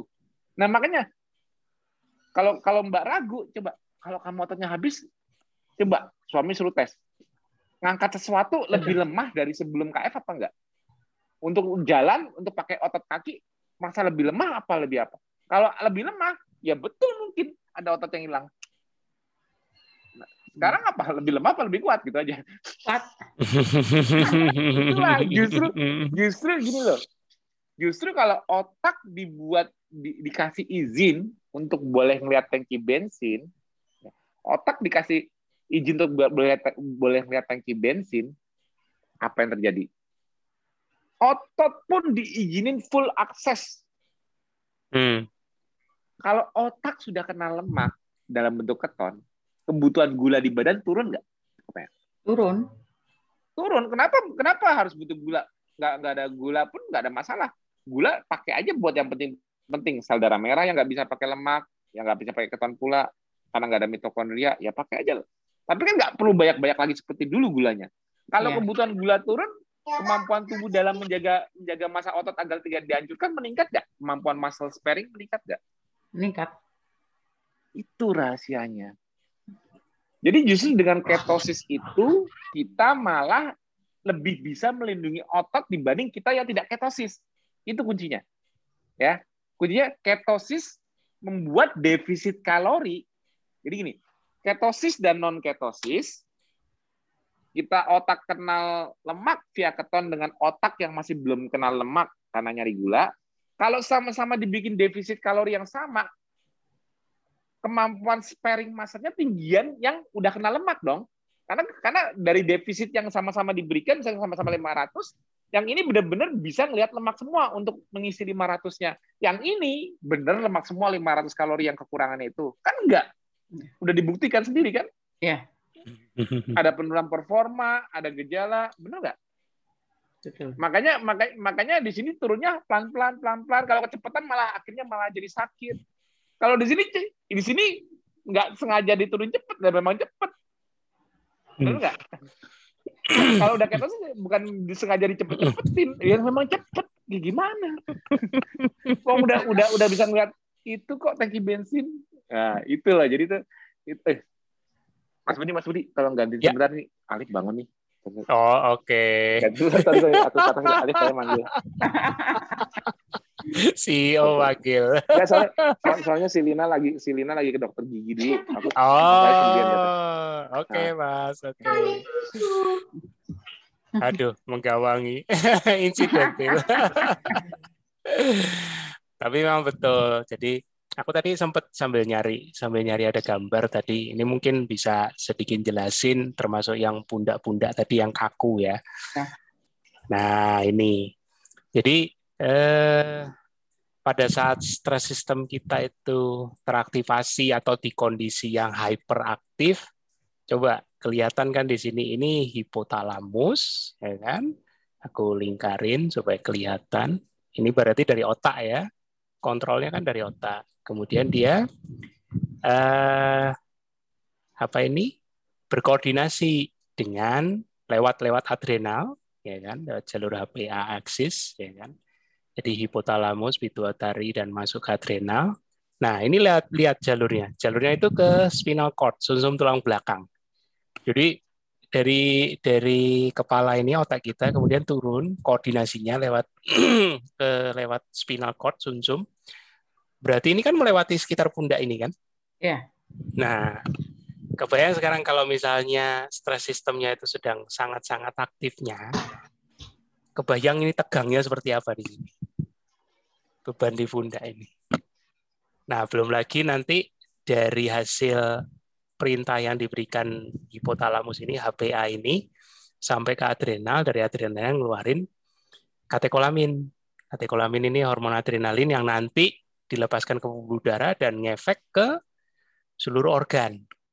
Contoh di jantung ada peningkatan heart rate, ya kan. Kemudian liver makin makin banyak membuat glukosa atau kalau masih ada cadangan glikogennya dirubah jadi glukosa. Kalau kalau glikogennya sudah habis, ya berarti dia harus melakukan proses GNG, gluconeogenesis, ya kan. Nah, ini yang yang menarik ini. Ini satu fakta ini di sini. Jadi aktivitas sistem pencernaannya diturunkan. Nah, kebayang kalau lagi stres sistemnya sedang hyperaktivasi, nggak kepingin makan sama sekali. Malah mual yang ada. Makanan malah susah masuk. Kalaupun bisa masuk, nggak, nggak akan terserap dengan optimal. Ada kan berasa kayak gitu? Iya, iya. Walau di awal-awal itu waktu waktu masih ini belum ngomong KF ya, tapi hmm. masih yang diet diet yang masih ngitung kalori itu karena stres sistemnya tinggi banget itu yang terjadi. Masalahnya cuma perbedaannya dengan ketosis cuman di ketosis juga bisa maladaptasi. Jadi terjadi hyperaktivasi ini bisa terjadi juga di di ketosis. Di saat apa? Lupa nggak ngerem. Nah, jadi berarti itu mungkin Mas Tio akan lebih lebih kasih pesan itu gimana caranya. Karena sekarang ini kan dikasih modal, dikasih modal bisa kayak bisa kayak aktivitas bisa lebih lebih fit, lebih bisa ke mana-mana. Nah tapi hati-hati, itu modalnya bukan berarti tidak terbatas.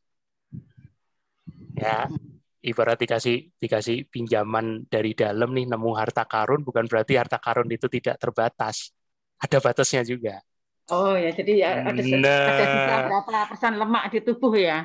Pasti, ya. pasti. Karena tubuh juga ya. tidak mau menghabiskan lemak sampai nol. Nah, nah itu yang saya belum tahu.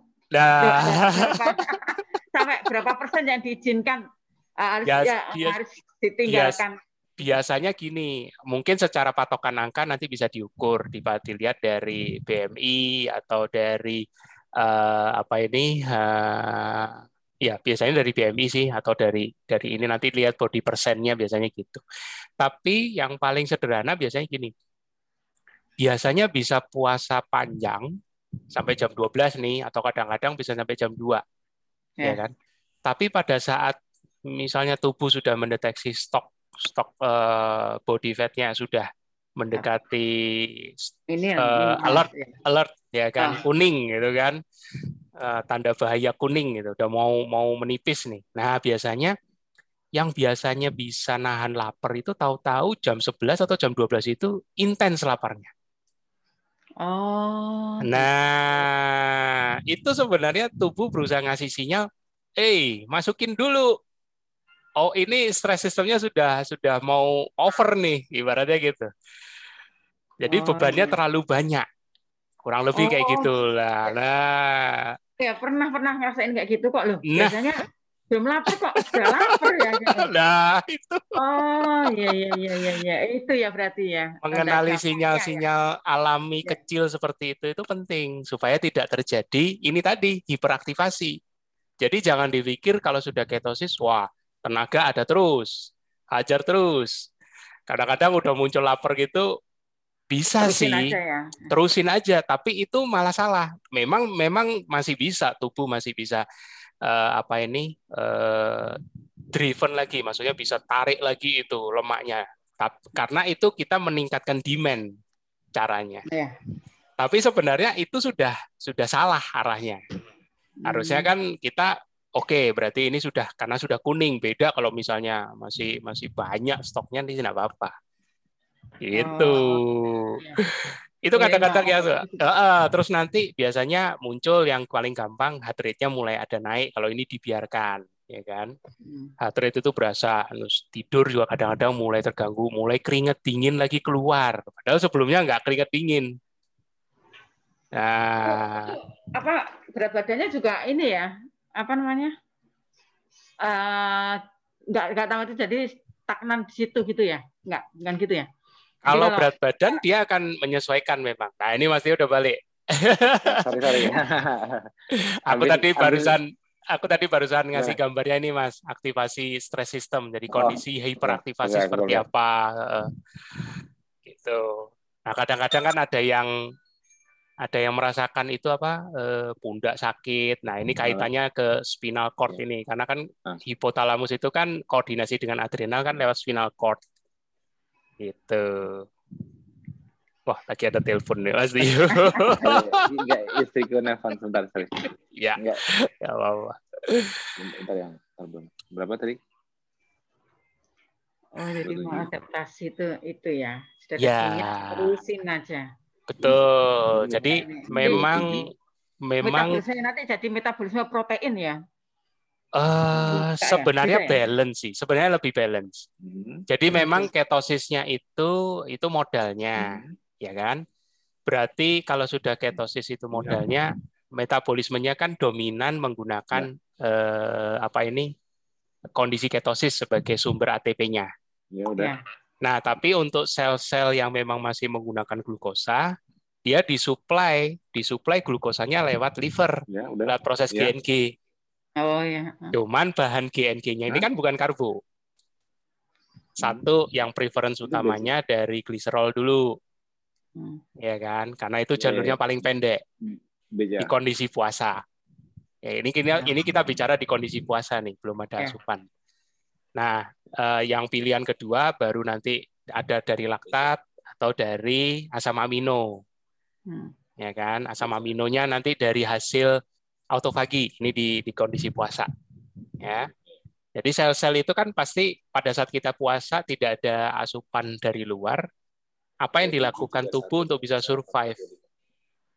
Karena kan otak ini kan harus harus dapat energi, harus dapat bahan bakunya juga untuk Hmm. bisa melakukan fungsinya. Tidak cuma otak, otot, jantung, eh, apa pun itu, ap- apalagi pankreas untuk bisa bikin eh, insulin, ya kan? Itu kan butuh bahan baku. Asam amino, glukosanya juga harus ada. Nah, glukosanya kita tahu dipenuhi dari GNG, gluconeogenesis. Tapi bagaimana dengan yang lain? Protein kan kita lagi nggak makan nih, asam amino kan kita nggak makan. Jadi dapat dari mana? Dari autofagi. Jadi kondisi puasa. Ya kan? Nah, tapi pada saat kita sudah masuk di jendela refill, misalnya stoknya udah habis nih, sudah, waduh, udah habis tubuh akan secara otomatis alaminya memunculkan sinyal lapar. Nah, jadi semua itu sebenarnya kalau kita peka dengan sinyal-sinyal alami tubuh, nanti terlihat tuh pola yang pas itu seperti apa. Gitu kan. Jadi misalnya tadi Mbak Dia tadi sempat ngalamin, loh, saya biasa puasa bisa sampai jam 4 sore, ini kok jam 12 sudah lapar banget. Itu juga perhatikan tidurnya. Nah, betul. Oh, iya. Kalau tidurnya kurang kayak gitu. Kalau tidurnya kurang biasanya cepet lapar. Karena Nah. sistem stresnya nggak benar-benar di apa? di riset. Di reset. Kalau semua lanjut. seimbang, kalau semua seimbang berarti karena body fat-nya sudah minimal ya, gitu ya. Jadi kalau kalau tubuh kita nah, dia lagi dokter gigi minta ditransfer itu kan. Ayah Iya, dia nanya siaga tadi, nih. Soalnya nggak ada Lina, nggak ada Lina, Alif juga tidur sendiri jadinya agak repot sih kalau ini special case. Biasanya kan tidurnya sama Lina. Dah, sip, dah, Ya, aman. sip, udah aman. Oh, enggak. sorry sorry interupsi. Ya, Ya oh, itu Mas, selain tidurnya tidurnya itu harus bagus. Tapi kalau masalah body fat itu tubuh kita berusaha punya sistem protektif. Jadi Hmm. kita nggak, da- jadi walaupun sekarang misalnya suami ini turun 25 kilo dalam tiga bulan, nggak bakal secepat itu terus. Ya, Nah, karena karena tubuh kita itu juga berusaha. Jadi gini, loh, lemak itu walaupun lemak itu kita nggak suka dalam jumlah lebih, tapi lemak itu ialah savingnya tubuh untuk survival. Jadi kalau kita kita kita jadi kalau orang KF itu awal-awal cepat itu nantinya dia ada stall. Hmm. Hmm. Stallnya itu ya usaha tubuh tetap untuk protect dalam jumlah tertentu tidak Exactly. semuanya dilepas nggak semuanya dikasihin semua ini buat pakai terus sampai sampai itu enggak enggak gampang itu enggak. itu ada negatif feedbacknya nah dan yang Mas Budi bilang benar kalau memang memang itu udah sampai di stall itu terus dia dia sistem stresnya bakal ngasih kasih alarm juga tapi Hmm. kalau kalau puasanya kalau puasanya itu lebih tergantung kepada kelihatannya dia cepat lapar di pagi hari misalnya mbak tiba-tiba Ya, oh saya jam bisa. jam 9 jam 10 itu kok udah lapar ya kalau itu lebih ke arah ininya apa namanya tidurnya biasanya Hmm. atau ada ada ada hyperaktivasi stres berlebihan sebelumnya di hari sebelumnya Ya. yang tidak tidak di reset sempurna oleh tidurnya itu mbak pasti Hmm. ngerasain deh coba mbak pernah nggak ngerasain tidurnya kurang atau tidur kemalaman terus besoknya kok cepet lapar kayak gitu Iya. nggak rasanya Perih-perih gitu ya. ya jadi kayak lebih cepat Ah. lapar Iya. Nah, Hmm. itu, itu itu itu karena stresnya nggak turun. Jadi jadi fungsi kita tidur itu ialah mereset kembali sistem stres kita pagi hari heart rate kita lebih rendah tenaga Hmm. power gas. Jadi gini, gasnya kita tuh dibikin enteng lagi. Hmm. Untuk ngegas tuh jadi enteng lagi. Kalau kita tidurnya kurang, itu kita ngegas tuh kayak berat gitu. Tubuh kita tuh stresnya lebih kelihatan tinggi, akhirnya demand-nya muncul. Akhirnya kita masalah lebih cepat lapar. Nah, jadi kuncinya juga perhatikan di tidurnya. Iya, iya. Jadi kalau kalau kalau kalau di di eh, kalau di wanita ada tambahan lagi kalau dia menjelang haid, dia demand-nya juga meningkat. Makanya dia juga nggak bisa puasa terlalu panjang di saat dia menjelang haid. Kenapa? Karena dia demand-nya lebih tinggi. Dia kayak ngerasa kayak, Hmm. aduh kok lebih cepat lapar, gitu loh. Walaupun dia itu, tapi dia merasa lebih cepat lapar. Kayak ada suatu demand yang ada peningkatannya. Nah itu yang yang yang dia harus memenuhi kalau wanita. Nah, kalau kita yang udah yang yang pria, pria maupun wanita itu juga butuh kalori cycling. Jadi kalau misalnya kita udah biasa makan buka sore jam 3 jam 4, udah Hmm. biasa makan cuma 4 jam makan, misalnya kayak di fase maintenance itu. Itu kita juga harus melakukan kalori cycling. Jadi tubuh kita itu di, di- di- diberi kayak seakan-akan oh makanan banyak lagi nih. Jam 12 kita udah makan lagi, makan lebih banyak. Kita kayak kayak metabolic rate-nya jadi naik lagi. Karena tubuh kita tidak tidak merasa harus survival terus. Karena dia kan tubuh kan berusaha memproteksi sistem apa memproteksi cadangannya, jangan jangan semuanya dikeluarin nih. Nah, begitu wah ini ada surplus nih dari luar. Oh, berarti kita bisa ngeluarin lagi metabolic rate-nya dinaikin lagi. Nah, begitu kita defisit lagi, loss-nya gampang lagi gitu loh. Jadi itu fungsi kalori cycling itu salah satunya seperti itu. Menaikkan kembali BMR-nya, nanti begitu dikasih defisit, lagi. Makanya lagi. kalau orang yang udah sampai di fase maintenance, yang udah biasa makan hanya hanya jendela makan 4 jam, minimal sebulan seminggu sekali itu dia mundur ke induksi 16 per 8. Jadi jam 12 sudah buka aja makan lebih banyak. Lebih banyak dari dari biasanya dia makan waktu dia cuma makan 4 jam, dan pasti makannya kan nggak sebanyak yang jendela 8 jam. Itu yang disebut namanya kalori cycling. Hmm. Tapi kalau misalnya dia dia masih apa di kondisi dia makannya cuma bisa buka jam 12 terus ya itu mah jam 12 sampai jam 8 malam mau makan berapa kali juga itu bisa bisa kalori cycling terus itu nggak perlu nggak perlu mundur wah aku kali ini sarapan nggak perlu. Tapi tapi kalau jam 12 sampai jam 8 tuh jendelanya udah lebar jadi kalau ketosis itu yang paling kelihatan adaptasinya ialah apa pagi hari bangun tidak lapar pagi yeah. pagi hari bangun yeah. kitanya itu apa namanya energi tetap tinggi. Kecuali kecuali kalau udah udah 16.8 buka jam 12 tapi tidurnya masih kegagu ya Mas ya. Mau enggak mau hmm. mesti no ya, puasa deh. Ini kayaknya ya ini Alif ini gelisah mulu kenapa ya? Oh, aduh. sorry banget, sorry banget. Aku aku ke atas lagi. Mas Budi kan sebentar aja. Iya.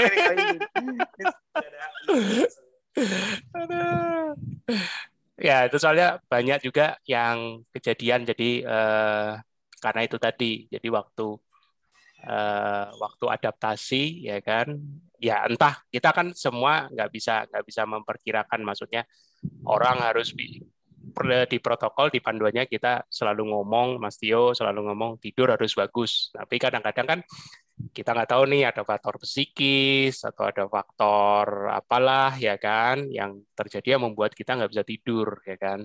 Ya.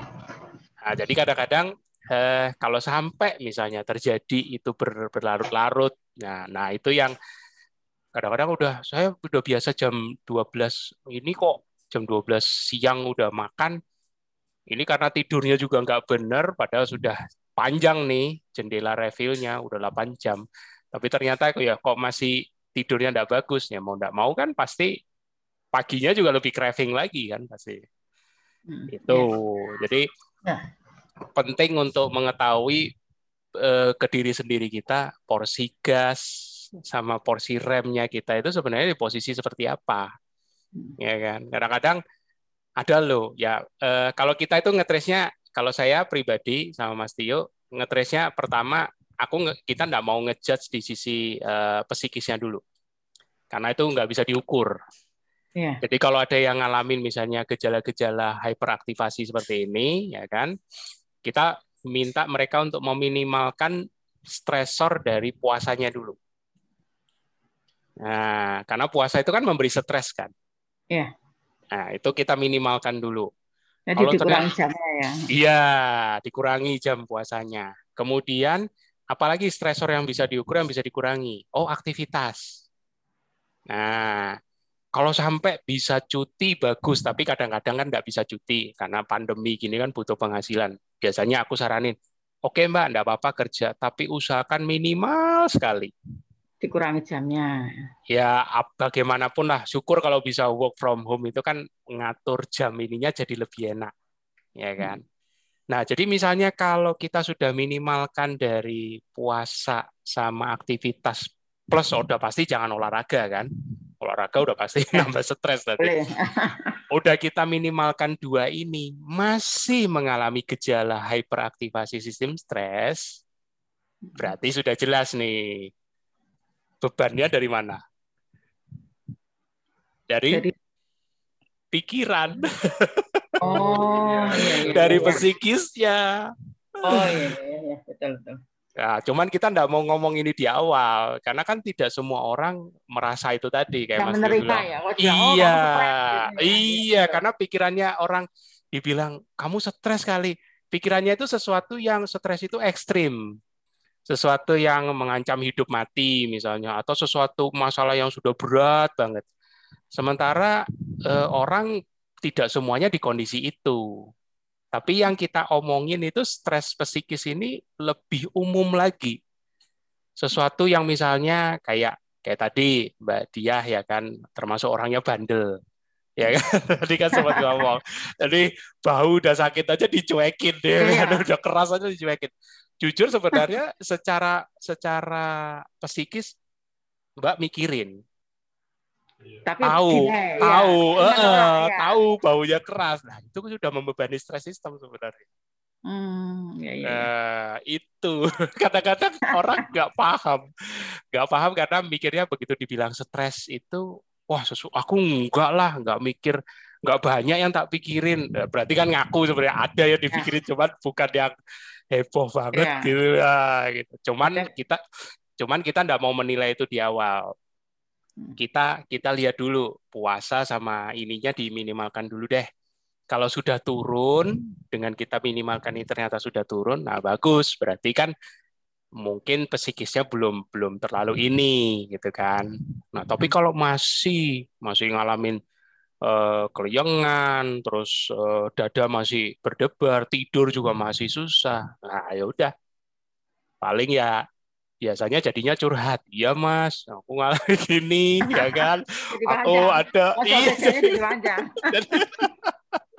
tapi tapi aku bersyukur dengan dengan begitu kan uh, walaupun aku nggak bisa bantu Mas Tio juga lebih lagi susah mau bantunya Mas Tio kan lebih ke fisiologi jadi iya. minimal kita jadi uh, teman sharing gitu loh. Minimal kalau kalau Mbak Dia bisa cerita, apalagi Mbak Dia dulu kan punya punya waktu jalanin awal KF ini buat suami kan juga itu beban pikiran juga kan mau yeah. mau cari pola apa sih ini ya itu pasti udah banyak cerita ke mana-mana dan pasti banyak saran juga oh diet ini diet ini akhirnya kan yeah. jalanin yang diet nasi jagung gitu begitu tidak memberikan hasil yang diharapkan kan kepikiran lagi ya, ya. gitu kan. Nah, balik lagi. Oh, oh. Nah, minimal bisa bisa cerita pada saat mencari diet apa yang cocok. Itu kan itu membantu gitu loh. Walaupun ya mungkin belum ada solusi yang pas, tapi minimal sudah ada langkah yang bisa dilakukan itu karena memang kompleks. Kalau psikis itu makanya kenapa kita bilang itu nggak bisa diukur? Ya kompleks sekali gitu yeah. apalagi orang suka denial kan? Yeah. gitu apalagi yang misalnya apalagi yang misalnya sudah punya sindrom metabolik. Ya kan? Misalnya sudah difonis diabetes eh, diabetes tipe 2 atau mungkin sudah ini kanker stadium 4 wah itu aku nggak ngebayangin itu stresnya seperti apa. Ya kan? Jadi itu yang kadang-kadang aku nggak tahu nih suaminya Mbak Dia juga sempat punya pikiran gitu kak waktu udah 137 kilo gitu. Oh. Tapi jangan ceritain di sini, itu itu itu ranah pribadi itu. Iya. Nanti aja pastinya antar suami istri harusnya kan ada komunikasi itu kan ya kan ada curhat ada ini nah itu itu membantu banget gitu loh. makanya tadi waktu aku lihat slide-nya kok ikut ber-KF karena solider wah cakep hanya malah karena tidak mengakui kok lagi sakit diri sendiri menolak kalau bilang sakit ya itu itu dan jadi sehat jadi ikut sehat akhirnya iya dan ya, dan dapat ya. dapat kadonya itu kan ya. nggak ya. disangka-sangka nggak nggak iya. terasa ya. loh kok hilang semua kok ini eh. baru dari situ kan menelaah lebih ya. ini iya menelaah lebih apa yang terjadi ya kok bisa cuman ngurang apa ngilangin karbo aja kok kok bisa dapat segini banyak ibaratnya ya, gitu kan. Ya. Ternyata wah secara fisiologis ya terlihat semua gitu. Apalagi kalau seimbang lima pilarnya ya, Mas ya. Nah, betul. Tapi itu, ini ya. Iya, itu adaptasi yang memang harus polanya seperti itu yang betul. Jadi mm yeah. itu tadi yang Mas Tio bilang posisi gas sama remnya itu harus tahu. Iya kan? Yeah kalau secara angka mungkin ya 50-50 lah, ya kan. Gasnya 50, terus yang remnya juga 50, kemudian di reset sama tidur. ya kan? Nah, tapi kan kadang-kadang ada ada mindset yang sering nih di dunia tanggung ya kan. Ya. Apalagi gitu lagi. kadang nah. sudah diajak tidur nggak tidur tidur. nah, itu juga banyak itu mbak. Itu juga banyak. Jadi mindsetnya malah wah ini ada anak kecil. Uh, ya sudah, aku fokus ke anak kecil, tidak salah sih. Tapi begitu anak kecilnya tidur, dia malah kepikiran, kepikiran malah ya ini waktunya aku beresin beresin rumah. Nah, Padahal nah, harusnya dia ikut ya. tidur. Harus ikut tidur. Harus ikut tidur. itu itu juga banyak terjadi. Gitu. Iya, Mas. Iya, Bu Sui. Oh iya, kan tadi yang anak kecil tidur. Apalagi lagi menyusui, lagi hamil lagi. Aduh. Ya, menyusui hamil lagi. Oh, ini lagi ngomongin tadi ngomongin itu ya. Tadi ngomongin hyperaktivasi pada Iya, betul. Ya? Betul. Sempat oh, kita iya, singgung iya, itu. Kemudian bentuk-bentuk stres psikis yang kita tidak mau nilai di awal, kita minimalkan dulu puasa sama aktivitasnya untuk ngecek apakah bisa turun kalau ternyata belum turun ya berarti tinggal di beban psikisnya yang ternyata jadi persoalan. gitu. Hmm, nah, ya. ya itu makanya jadi kalau kalau tadi kan tadi kan sempat cerita juga kalau suami itu kan beban ada beban pekerjaan yang mungkin yang stresnya berlebih hmm. itu jadi hmm. PR lima pilar. Nah itu hmm. relaksasinya harus menemukan cara relaksasinya dengan masalahnya sehari-hari pekerjaannya sehari-hari. Yes. Nah kalau memang belum ketemu caranya paling gampang gini Kenapa di Medcon sekarang aku sering sering nyaranin terapi ketawa? Ya kan karena kan aku juga bingung kan masalah orang kan beda-beda. Benar nggak, Mbak? Hmm. Iya. Masih kan masih kan ya kita nggak tahu pekerjaan orang apa, masalahnya dia apa, bebannya dia apa, kan semua orang pasti beda lah. Tapi kalau aku ngebayangin simpelnya aja, apa pun beban kita kalau kita udah ketawa reda. Hmm. Bener nggak? Iya. Betul. Jadi kita kita harus terpicu untuk ketawa alami ya. ya. Harus spontan. Iya. iya. Kalau kadang-kadang gini loh, kalau kalau kalau kita ya kadang-kadang kan psikiater juga bisa bantu. Psikiater itu kan biasanya bantunya kan untuk jadi pendengar, ngasih saran. Hmm. Kalau perlu malah ngasih obat untuk menenangkan. Tapi sebetulnya kalau mau cari cara alaminya itu mudah. Pasti kita dalam hidup kita kita pasti punya deh pilihan suatu selera humor khusus. Jadi kalau kita kalau kita ya nggak sama setiap orang ya. Kalau kalau Mbak contohnya, kalau Mbak yang bikin ketawa biasanya nonton apa coba? Kalau saya sih nonton bayi. Video, nonton bayi. bayi. Ya. nonton video Belum bayi. Enggak, maksudku jangan seneng yang bikin ketawa. Iya. Spontan. Iya, kan lucu.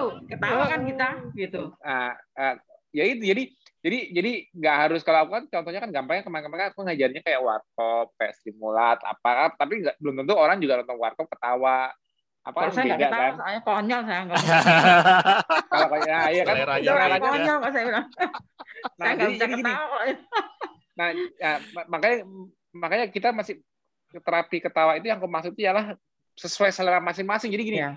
walaupun aku nih uh, dalam posisi masa sih aku lagi banyak pikiran banyak masalah kayak gini atau misalnya suami misalnya dalam kerjaan yang memang masih ada beban biasanya kan kerjaan ada suatu pekerjaan yang akhirnya malah dibawa sampai rumah itu ada hmm, maksudnya hmm, hmm. udah di rumah belum bisa rileks kan normalnya kan hmm. ya stres stresnya di lokasi kerja tapi kalau di rumah ya rileks karena fungsi hmm. rumah itu kan untuk kita kan istirahat relaksasi nah hmm. kalau itu sulit kalau itu sulit karena suatu hal memang karena wah besok deadline dan sebagainya itu itu justru itu justru cara terbaiknya ialah saat sampai rumah aku gimana nih ya aku masih kepikiran terus nih aku gimana ya aku masih ngelayang nih atau hmm. malah udah sampai tegang aku malah jadi susah tidur nih misalnya bingung jangan bingung aku kayak tidurnya bakal jadi gak nyenyak nih udah udah udah udah udah udah punya feeling kayak gitu langsung buru-buru apa ya yang biasanya buat aku ketawa cari filmnya cari tontonannya atau perlu cari di YouTube kalau memang nggak lagi nggak ada acara hmm. di TV-nya hmm. hmm. cari di YouTube ditonton lagi nggak apa-apa dalam kondisi kesel pun atau dalam kondisi apa yang lagi pikiran pun lagi hektik atau lagi apa misalnya moodnya lagi jelek pun ya tonton aja tuh kan pasti inget dong apa yang pernah buat ketawa tonton aja Iya, Tiba-tiba pas lagi nonton tiba-tiba Jackie tiba-tiba iya. Jackie Chan. Nah, iya loh, kalau bahasa gini. ketawa itu. Nah, ya Mbak tiba-tiba nonton aja gitu. Ah, yang udah pernah ditonton pun tonton lagi aja, walaupun gitu.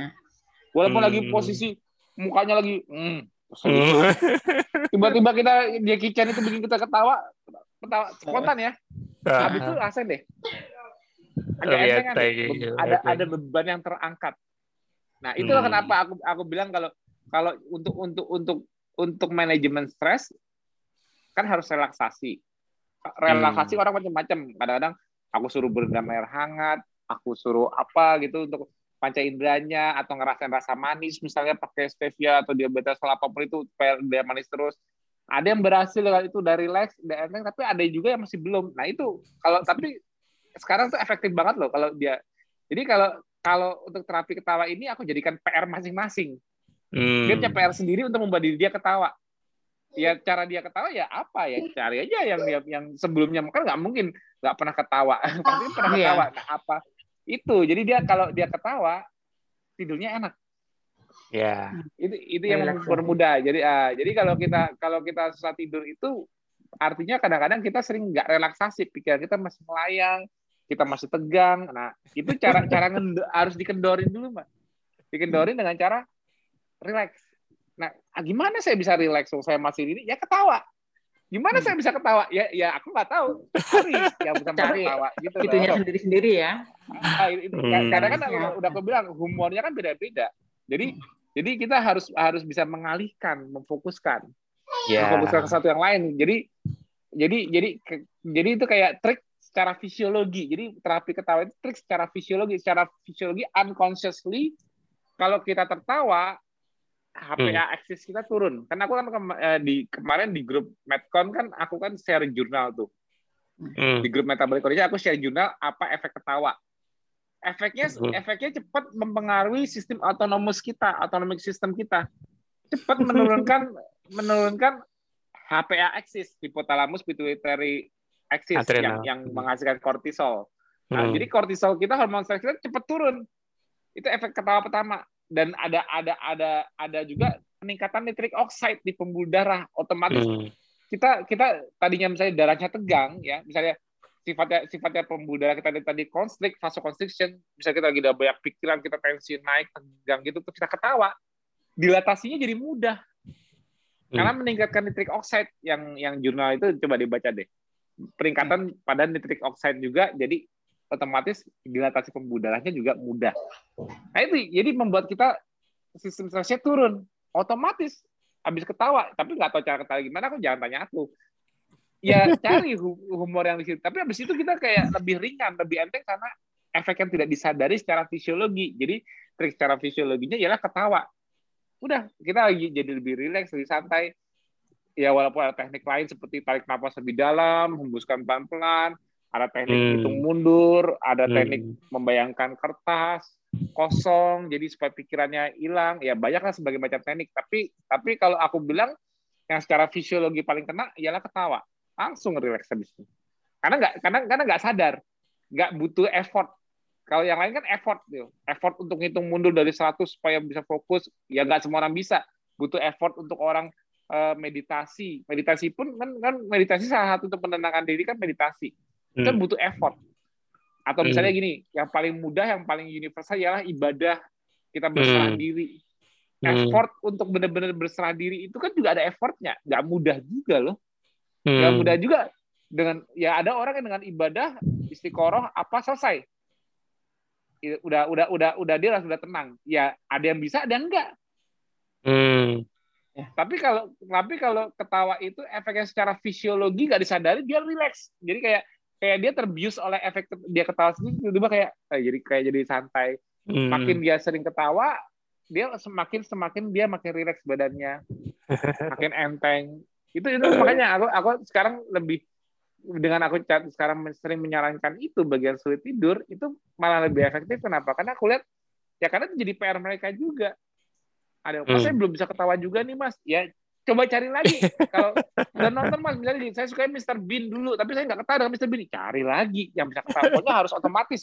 Bikin kamu spontan aja ketawa jangan dibuat-buat ya jangan ketawa kayak orang apa ketawa sendiri malah aneh. Tapi harus harus ketawa yang alami. Karena yang alami ketawa yang secara alami itu yang membuat membuat HP aksis turun simpatetik tone-nya turun debar jantungnya juga turun. Itu kuncinya ya makanya coba deh itu harus harus banyak yang praktek itu kalau memang ada lagi ada masalah nah suami kalau memang memang uh, ada yang kata Mbak cerita uh, mungkin karena faktor pekerjaan membuat manajemen stresnya belum bagus, dicobain ya. Yeah. Cari-cari acara-acara itu membantu nggak dalam menjaga lima pilarnya itu. Dalam sehari jadi PR. Pokoknya aku kalau udah sore, kalau udah sampai rumah, walaupun pikiran masih kebawa pikiran kerjaan, langsung berusaha lupakan dengan cara cari cari tontonan yang membuat dia ketawa. Begitu ketawa, nanti tidurnya cepet nih. Belum jam 8 udah ngantuk udah eh, udah enak gitu. Nggak nggak nggak nggak nggak susah untuk kalau orang udah relax itu kalau udah sore itu udah relax nggak susah untuk uh, turun makanya coba Mas Budi masih ada nggak yang file yang yang file yang sirkadian dari kortisol tunjukin oh. deh malah paling bagus itu kenapa kita jendela makan kenapa kita jendela makannya itu siang atau sore ke malam hari karena di situlah kortisol kita turun secara sirkadian resminya jadi kalau manusia bisa selalu mengikuti jam-jam ini itu sebetulnya menjalankan KF itu mudah. Tahu kapan dia harus rileksnya, tahu kapan dia harus ngeremnya, nggak ngegas terus. Gitu loh. Nah, itu yang aku bilang. Nah, itu lihat tuh. Kalau kita mau stres, mau aktif fisik, mau apa yang yang yang yang performance-nya butuh tinggi, apa yang mau itu selesaikan dari pagi. Pagi itu waktu yang kita kerja, waktu yang kita olahraga, waktunya apa. Kerjain. Tapi kalau udah mulai sore, kita harus udah mulai ngerem. Karena hmm. kan kita mau tidur. Lihat tuh. Kita kan udah udah udah udah mau harus harus decelerating.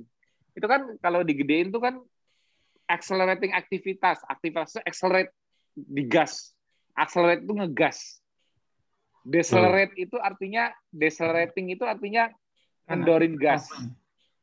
Jadi kita kita kalau udah sore itu udah jam tuh itu jamnya jam 3 PM itu artinya sore hari jam 3 itu udah pada asar itu kita kita walaupun masih di kantor kita harus udah mulai jangan ngegas terus.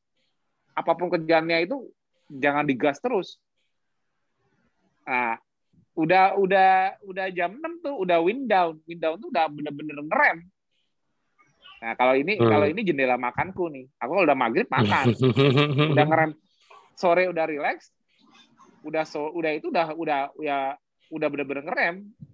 Jadi aku udah udah udah benar-benar makan, lebih santai lagi, badannya lebih rileks lagi, tidur gampang, bruk, dah. Karena relaksasinya udah udah diizinkan rileks dari jauh, dari dari, dari sore itu aku udah nggak udah nggak mau ngegas terus. Pagi balas jawaban apa pun itu dikerjain semua cepat, olahraga, ngejim apa semua yang aktif fisik, aktif mikir, kondisi puasa itu semua dari pagi bukan bukan bukan bukan malam malah malah puasa enggak ya ini, ini secara umum ya? ini secara umum mas ya kalau umum. orang kegiatannya beda nggak secara ini umum otomatis berubah ya ya jadi kalau ya kalau, di, kalau ini ini ini bisa digeser-geser dari osilator clock yang berdasarkan SCN dari mata kita ini hmm. ini sebetulnya cara tubuh ya. mengatur pola 24 jam berdasarkan cahaya Hmm. Oh, iya. Berdasarkan cahaya masuk ke mata. Jadi hmm. dengan matahari terbit, dari matahari mulai terbit sampai terbenam, sampai gelap, artinya tidur, kita tidur. Jadi tubuh itu uh, uh, level jam biologisnya dari istilahnya ya. ya jam biologisnya ya. manusia. Nah, kita kalau bisa ngikutin gaya hidup kita seperti jam biologis manusia ini, ya kita bener nggak pernah ada masalah. Hmm. Kita aktif mau mau stres kerjaan, mau stres olahraga, fisik apa semua itu dari pagi itu ngebusnya itu di situ. Hmm. Makanya aku bilang kalau pagi-pagi kita energik banget, lapar enggak, kita bisa ngakses dan, dan memang kita lagi pakai sistem stres, kortisolnya juga naik, kita jadi malah bisa melek. Tapi hmm. kalau kortisolnya itu sampai sore, sampai sore, sampai malam kortisolnya itu nggak turun-turun, ya gimana kita mau tidur? Ya iya. Nggak bisa tidur lah. HP akses kita masih pada titik ketiga nggak bakal bisa tidur. Itulah sebabnya makanya kita butuh ada relaksasinya. Jadi mulai mulai fasting, moving, waktu bergerak, habis itu relaksasi. Habis hmm. itu makan. Hmm. feeding. Habis itu baru sleeping. Iya. Repeat lagi, muter lagi. Itu jam biologis kita harus bisa ngatur ini. Kalau kita terganggu, itu yang ditulis Mas Budi, gasnya tuh. Ngegas ya, kita gas itu puasa, olahraga, berpikir keras. Itu itu jamnya kita ngegas di situ. Nah, jamnya kita ngerem, ngerem itu kayak mulai rileks, mulai makan, itu jam yang kita ngerem.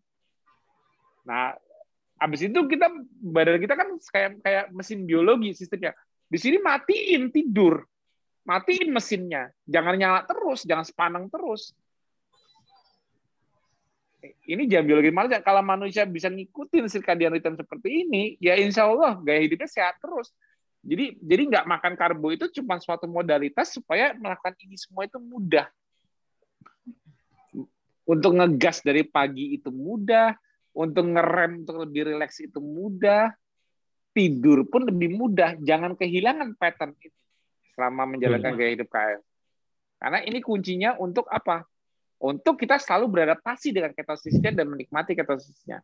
Ini terganggu, bisa maladaptasi. Hmm. Aku yang jamin, bisa maladaptasi. Iya. Salah satunya apa? Salah satunya apa? Ciri-cirinya maladaptasi apa? itu yang yang yang yang amplitudo gasnya itu bukannya cekung terus turun tapi melebar ke sana. Jadi baru turun sebentar naik lagi nanti. Jadi jadi kalau melebar ke kanan, jadi kalau melebar ke kanan ke arah jam tidur, artinya jam jendela tidur makin dikit. Nah, kalau amplitudonya tuh sampai segini ya akhirnya Nggak turun, baru mau turun sebentar, tidur sebentar naik lagi. Atau mungkin atau mungkin gini. Ah, tinggi terus, nggak turun-turun. Tidur, tidur tapi malamnya bolak-balik pipis. Kalau udah bangun bangun nggak bisa tidur lagi karena sudah jeng lagi. Hmm. Udah udah udah sistem stresnya udah udah ngangkat lagi. Seakan-akan kayak mau dibikin aktif lagi tubuhnya. Itu yang yang malah bisa maladaptasi kalau kalau gasnya ini nggak nggak bisa turun. Salah satu penyebabnya gimana? Ini kalau kalau kalau yang ditulis Mas Budi itu yang pakai merah itu maladaptasi itu itu dibiarkan, makin ke sana, makin ke kanan, artinya ke hari berikutnya, 24 jam berikutnya, makin sulit lagi tidurnya. Ya kan? Grafiknya kan kalau kalau itu tidurnya akhirnya tidurnya makin kecil, makin kecil, makin kecil, akhirnya nggak bisa tidur insomnia. Yeah. jadi jadi kalau kalau kalau kita sudah mengalami hyperaktivasi sintesis itu kelihatannya selalu di tidurnya apa pun penyebabnya ya entah itu kita kelebihan olahraga entah kita itu kepanjangan puasa, entah kita itu pikiran yang berlebihan,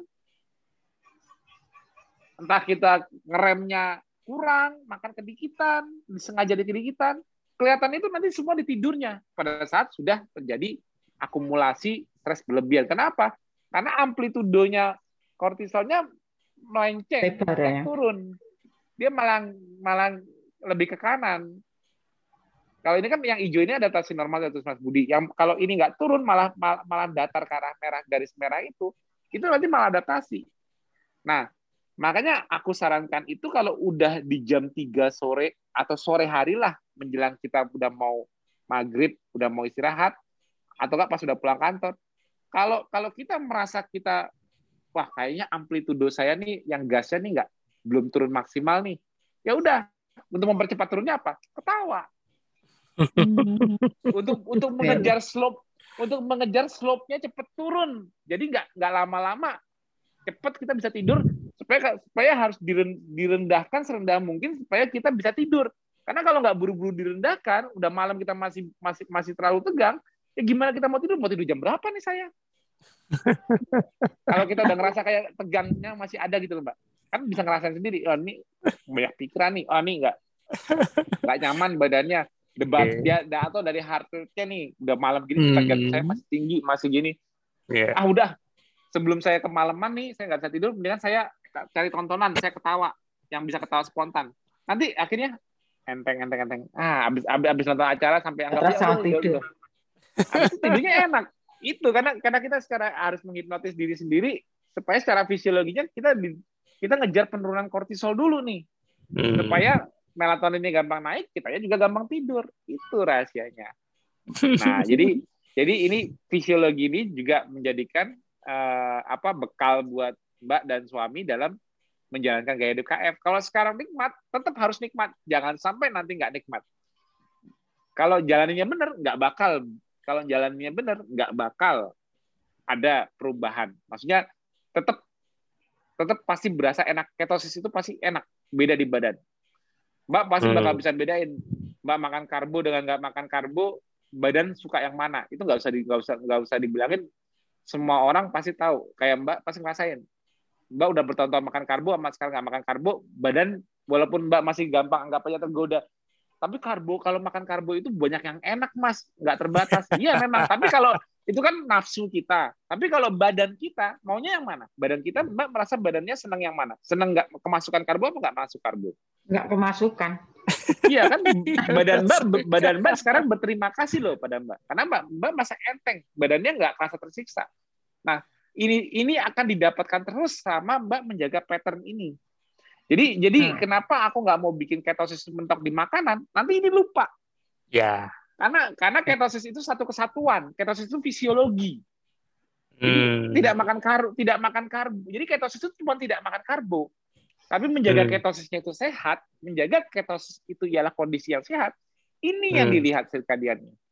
Hmm. Gasnya, remnya, stopnya, jangan sampai dalam perjalanan hidupnya dalam perjalanan yang nanti menjalankan KM ini jangan sampai pattern ini berubah dan kita nggak sadar di mana yang salah itu yang nggak bagus. Nah, jadi jadi tips-tips yang aku sering share di Medcon, yang pokoknya Mbak ikutin terus diskusi kita di Medcon. Ya. Kalau ada kalau ada gejala yang nggak ngerti apa-apa juga jangan ragu untuk tanya aku. Jadi kita cari kronologinya bareng. Jadi hmm. kita diskusikan bareng supaya apa ketemu maka masa jangan sampai keterusan nih nggak sadar tahu-tahu malah malah malah keluar ya. iya. iya, makanya kan kan kan di Medcon kita udah sering bahas nggak nggak butuh nggak butuh waktu lama untuk muncul maladaptasi. Wong sebelum sebelum KF pun juga maladaptasi bisa gejala stress overdrive aja bisa kelihatan, makanya harus benar-benar kita lihat deh patternnya. Hmm. Pattern ini Mbak Mbak rasakan, Mbak alami, oh iya ya saya kekurangan tidur lebih cepat lapar, pasti nanti di dalam, dalam perjalanan mbak jalan KF mbak pasti adalah satu saat tidurnya sengaja kurang atau gasnya sengaja kelebihan. Buktikan bener nggak? Kata Mas Tio. Oh iya ya saya nih oh bener nih kata Mas Tio nih saya udah mulai gak enak nih udah pegel-pegel ya gini, gini gini oh saya udah dikasih tahu tipsnya triknya langsung dipraktekin tips dan triknya supaya kortisolnya cepat turun. Berhasil nggak ya tapi kalau memang nggak berhasil juga ya nggak apa-apa kita diskusi lagi mbak tanya japri aku lagi mas saya belum berhasil nih saya belum bisa ketawa atau apa yang membuat masalah yang nanti Mbak ditemukan di depannya, Mbak atau suami, jangan ragu untuk tanya aku. Atau yeah. didiskusikan di grup metabolic conditioning. Yeah. Supaya apa? Supaya apa yang Mbak proses sekarang tidak hilang. Bisa dijalankan. Kalau sekarang Mbak bilang, Mbak kalau seumur hidup seumur hidup menjalankan KF kira-kira mampu nggak? Kalau dengan kondisi badan sekarang pasti bilang iya dong. Yeah. Ya kalau saya, saya mampu, saya nggak merasa nggak merasa memaksakan, nggak ngurangin makan kok. Ya kan? dan makanan KM juga dibilang nggak enak masa sih nggak enak? Yakin makan hewani nggak enak. Ya kan? Nah jadi jadi jadi eh, apa bekal ke buat mbak ialah menjaga adaptasi di circadian rhythmnya ikutin patternnya. Jangan sampai ada modulasi apa amplitudo yang gas itu jangan sampai gesernya ke kanan yang membuat mbak nggak bisa nggak bisa relax itu ya relax. jadi jadi kalau gejala yang sebelum KF malah muncul setelah KF saya lebih baik tapi malah gejalanya muncul lagi salah di mana saya ya nah Something. mulai dilirik lagi yeah. mulai mulai dilirik lagi dari pattern tadi aku bilang gitu oke okay. Monggo Mbak Tia, kita pas jam 10 ya sebelum kita tidur mulai riset. Nah, Mbak Dia perlu kasih closing statement pesan sebenarnya lebih ke pesan sih. oh, gue ya, Mbak. Ya, makasih. Jadi saya setuju sekali sama apa Mas Dia bilang bahwa ketofastosis itu bukan suatu diet ya, lifestyle hmm. lebih lebih ke lifestyle. Dan sebetulnya saya pribadi eh, saat berpraktek eh, praktek dokter itu juga sudah menjalankan seperti yang Mas Tio sarankan. Jadi saya kalau menasihati pasien selalu apa namanya jaga keseimbangan nah, makan, tidur, betul. istirahat. Cuma satu hmm. salahnya saya yang nggak sama kayak Mas Tio, tidak mengurangi gula. Jadi kurang gula tapi nggak sampai rendah sekali itu. Jadi selalu saya sarankan pasien untuk homois apa namanya holistik ya. Jadi hmm. kalau saya selalu bersifat holistik. Jadi saya selalu Hmm. lihat semuanya. Makanya saya setuju sekali sama Mas Tio kalau itu harus lifestyle-nya yang diubah bukan bukan makanannya itu bukan Yes. itu. Gitu. Iya, karena karena self, karena self healing itu ialah perubahan total dari gaya hidupnya. Nggak cuma hanya sekedar makan yang dirubah. Iya. Kalau iya. makannya dirubah, apa gini? Oke, saya nggak makan karbo, tapi saya masih mau begadang, saya tidurnya masih kemalaman, ya nggak bisa. Oke, saya nggak makan karbo, tapi saya tetap membiarkan diri saya stresnya berlebihan, ya nggak bisa. Iya. saya makan karbo, tapi saya nggak mau membatasi kalori, saya maunya makannya berlebihan, ya nggak bisa. Oke, saya makan karbo, tapi saya maunya sedentari, ongkang-ongkang kaki, kan yang penting nggak makan karbo, ya nggak bisa juga. Iya. Harmonisasi Itu kan nggak berhasilnya karena itu kan, karena yang diberikan cuma membatasi makanannya, tidak Iya, digantikan oleh semuanya itu.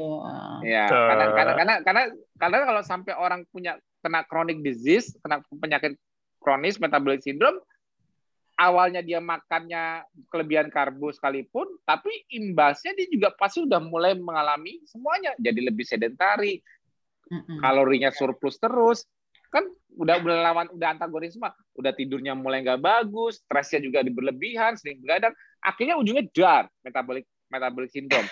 Nah kalau udah udah Hmm. udah udah begitu proses kronologinya, ya mengembalikannya ya semuanya lagi, jangan cuman oke keto, dah selesai Ya. ya. Iya. Nanti harusnya itu dia kerasa lebih gampang untuk puasa, kerasa lebih gampang untuk nggak nggak selalu diem, artinya dia lebih aktif bergerak, kerasa dia untuk mudah rileks, kerasa dia mudah tidur. Ya keto itu udah cuma modal, tapi dijalankan semuanya, jangan malah dilawan. Itu kunci. Hmm. Oke, mantap. Thank you Mbak Dia dan juga Sama-sama, suami terima yang kasih, Mas dan Tio. juga suaminya yang mendampingi di samping setia loh. Sudah mulai ngantuk. iya, enggak apa-apa, harus diikutin, diikutin, enggak Iya. boleh enggak boleh dilawan. Gitu kita harus tidur. Oke, thank you juga untuk Mas Tio yang selalu setia ya mensupport kita lewat TFH. Teman-teman, jangan lupakan eh, minggu depan masih ada TFH lagi dan jangan lupa di tanggal 28 ya webinar Ya. ini. Oh iya ada sedikit pengumuman uh, Ya, kalau boleh, yang Mas. untuk uh, karena tanggal 28 nya kita mengadakan webinar hari Minggu, Mm-mm. jadi Sabtu malamnya TFA-nya ditiadakan. Jadi masih ada satu TFA sebelum webinar tuh hari Rabu. Oh, Rabu aja Rabu ya besok. berarti. Oke. depan. Ah, Oke. Karena kan karena kan itunya apa tanggal 28 nya kita webinar paginya. Kirain mau maju, Mas, Selasa Jumat. Juga, aku, aku soalnya itunya dari Jumat aku ada acara juga. Eh, Ah, ya ada sudah. acara Oke. apa tracking sama Oh, waduh, Mas Tio ikut tracking loh. Ayo teman-teman yang mau ketemuan. Oke. Tracking. Siap, siap. Oke, jadi teman-teman, eh, minggu depan kita cuma hari Rabu ya TFH dan jangan lupa hari Sabtu webinar ID pantau terus live Hari FB Minggu, Mas. dari Webinar. Eh? Webinar ini hari Minggu pagi. hari Minggu, hari Minggu ya. Jadi Nah, teman-teman jangan lupa pantau terus live FB di wa- wa- wall-nya Mas Tio. Jadi eh, tentunya nanti itu juga akan direkam dan pasti akan saya upload di YouTube ya. Jadi teman-teman pastikan minggu depan kita masih ketemu lagi hari Sabtu, eh hari Rabu, sorry, Rabu. hari Rabu. Jadi teman-teman selalu stay tune dan selalu semangat. Oke, selamat malam dan selamat istirahat.